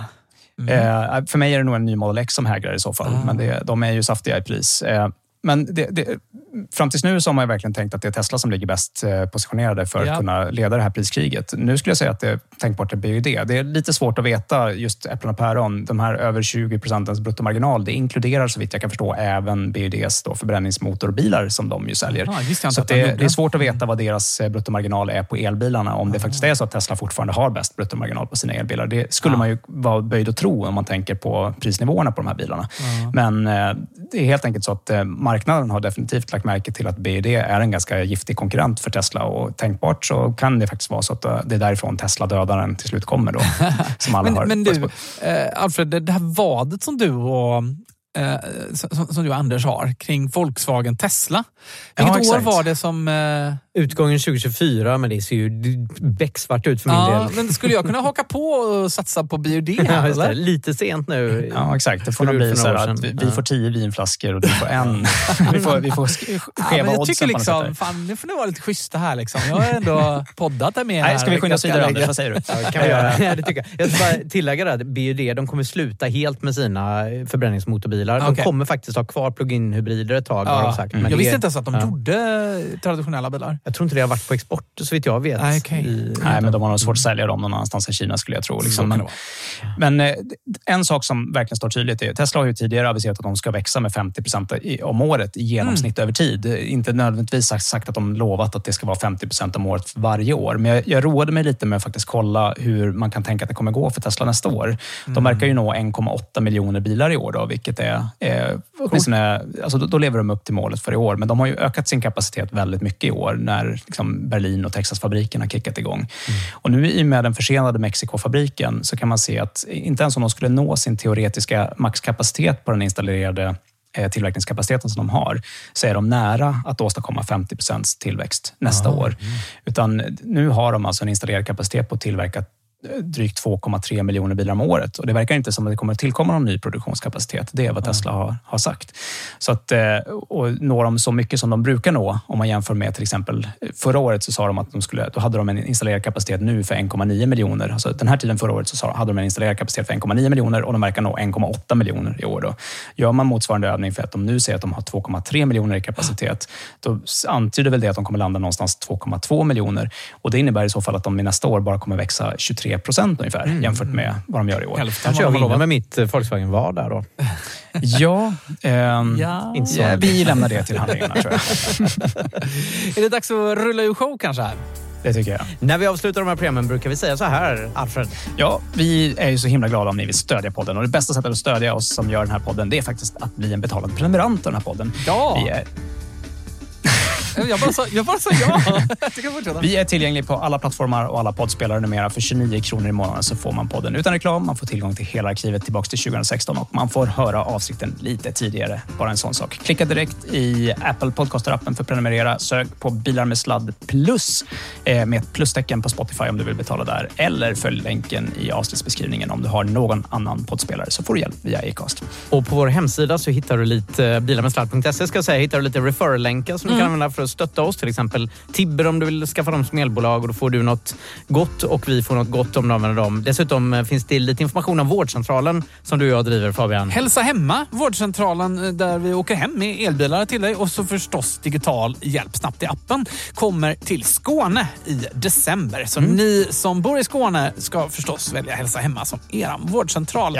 Och på hemsidan så hittar man också eh, länkar om man vill eh, köpa en eh, Tesla-bil. En YX eller S, tyvärr i en Model 3 just nu och då får man 5 000 kronor rabatt eh, och ger oss lite krediter och köpa kul saker för eh, laddning och sånt där. Ja, tack ni som gör det. Man blir alltid glad när det dyker upp en sån där referral. Absolut. Ja. Så gör gärna så. Och tipsa som sagt gärna dina vänner och bekanta om podden också. Kanske Elbilsskolan som ligger kvar i feeden från i somras. Det är en jättebra inkörsport till de som blir nyblivna elbilsägare. Så hjälp dem som skaffar elbil att hitta fram till hur man ska maximera sitt ägande. Mm. Och kommentera gärna programmen på vår Facebook-sida kan du göra. Och om du har kommentarer till oss så kan du skicka dem till Anders, Alfred eller Fabian att bilarmedsladd.se eller till alla tre på info att bilarmedsladd.se. Och för redigeringen så stod Umami i produktion och Johan Chanukka. Tack för ett jättebra jobb som vanligt. Mm, tack och förlåt som jag brukar säga. Och eh, även till dig då Alfred. Tack och förlåt för du är ansvarig utgivare för Bilar med slant.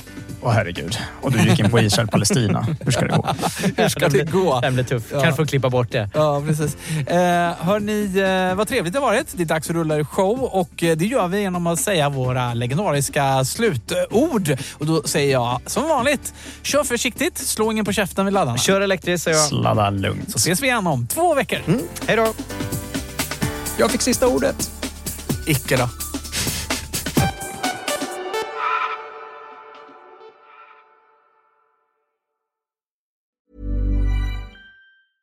Mom deserves the best, and there's no better place to shop for Mother's Day than Whole Foods Market. They're your destination for unbeatable savings, from premium gifts to show-stopping flowers and irresistible desserts. Start by saving 33% with Prime on all body care and candles. Then get a 15-stem bunch of tulips for just $9.99 each with Prime. Round out Mom's menu with festive rosé, irresistible berry chantilly cake, and more special treats. Come celebrate Mother's Day at Whole Foods Market.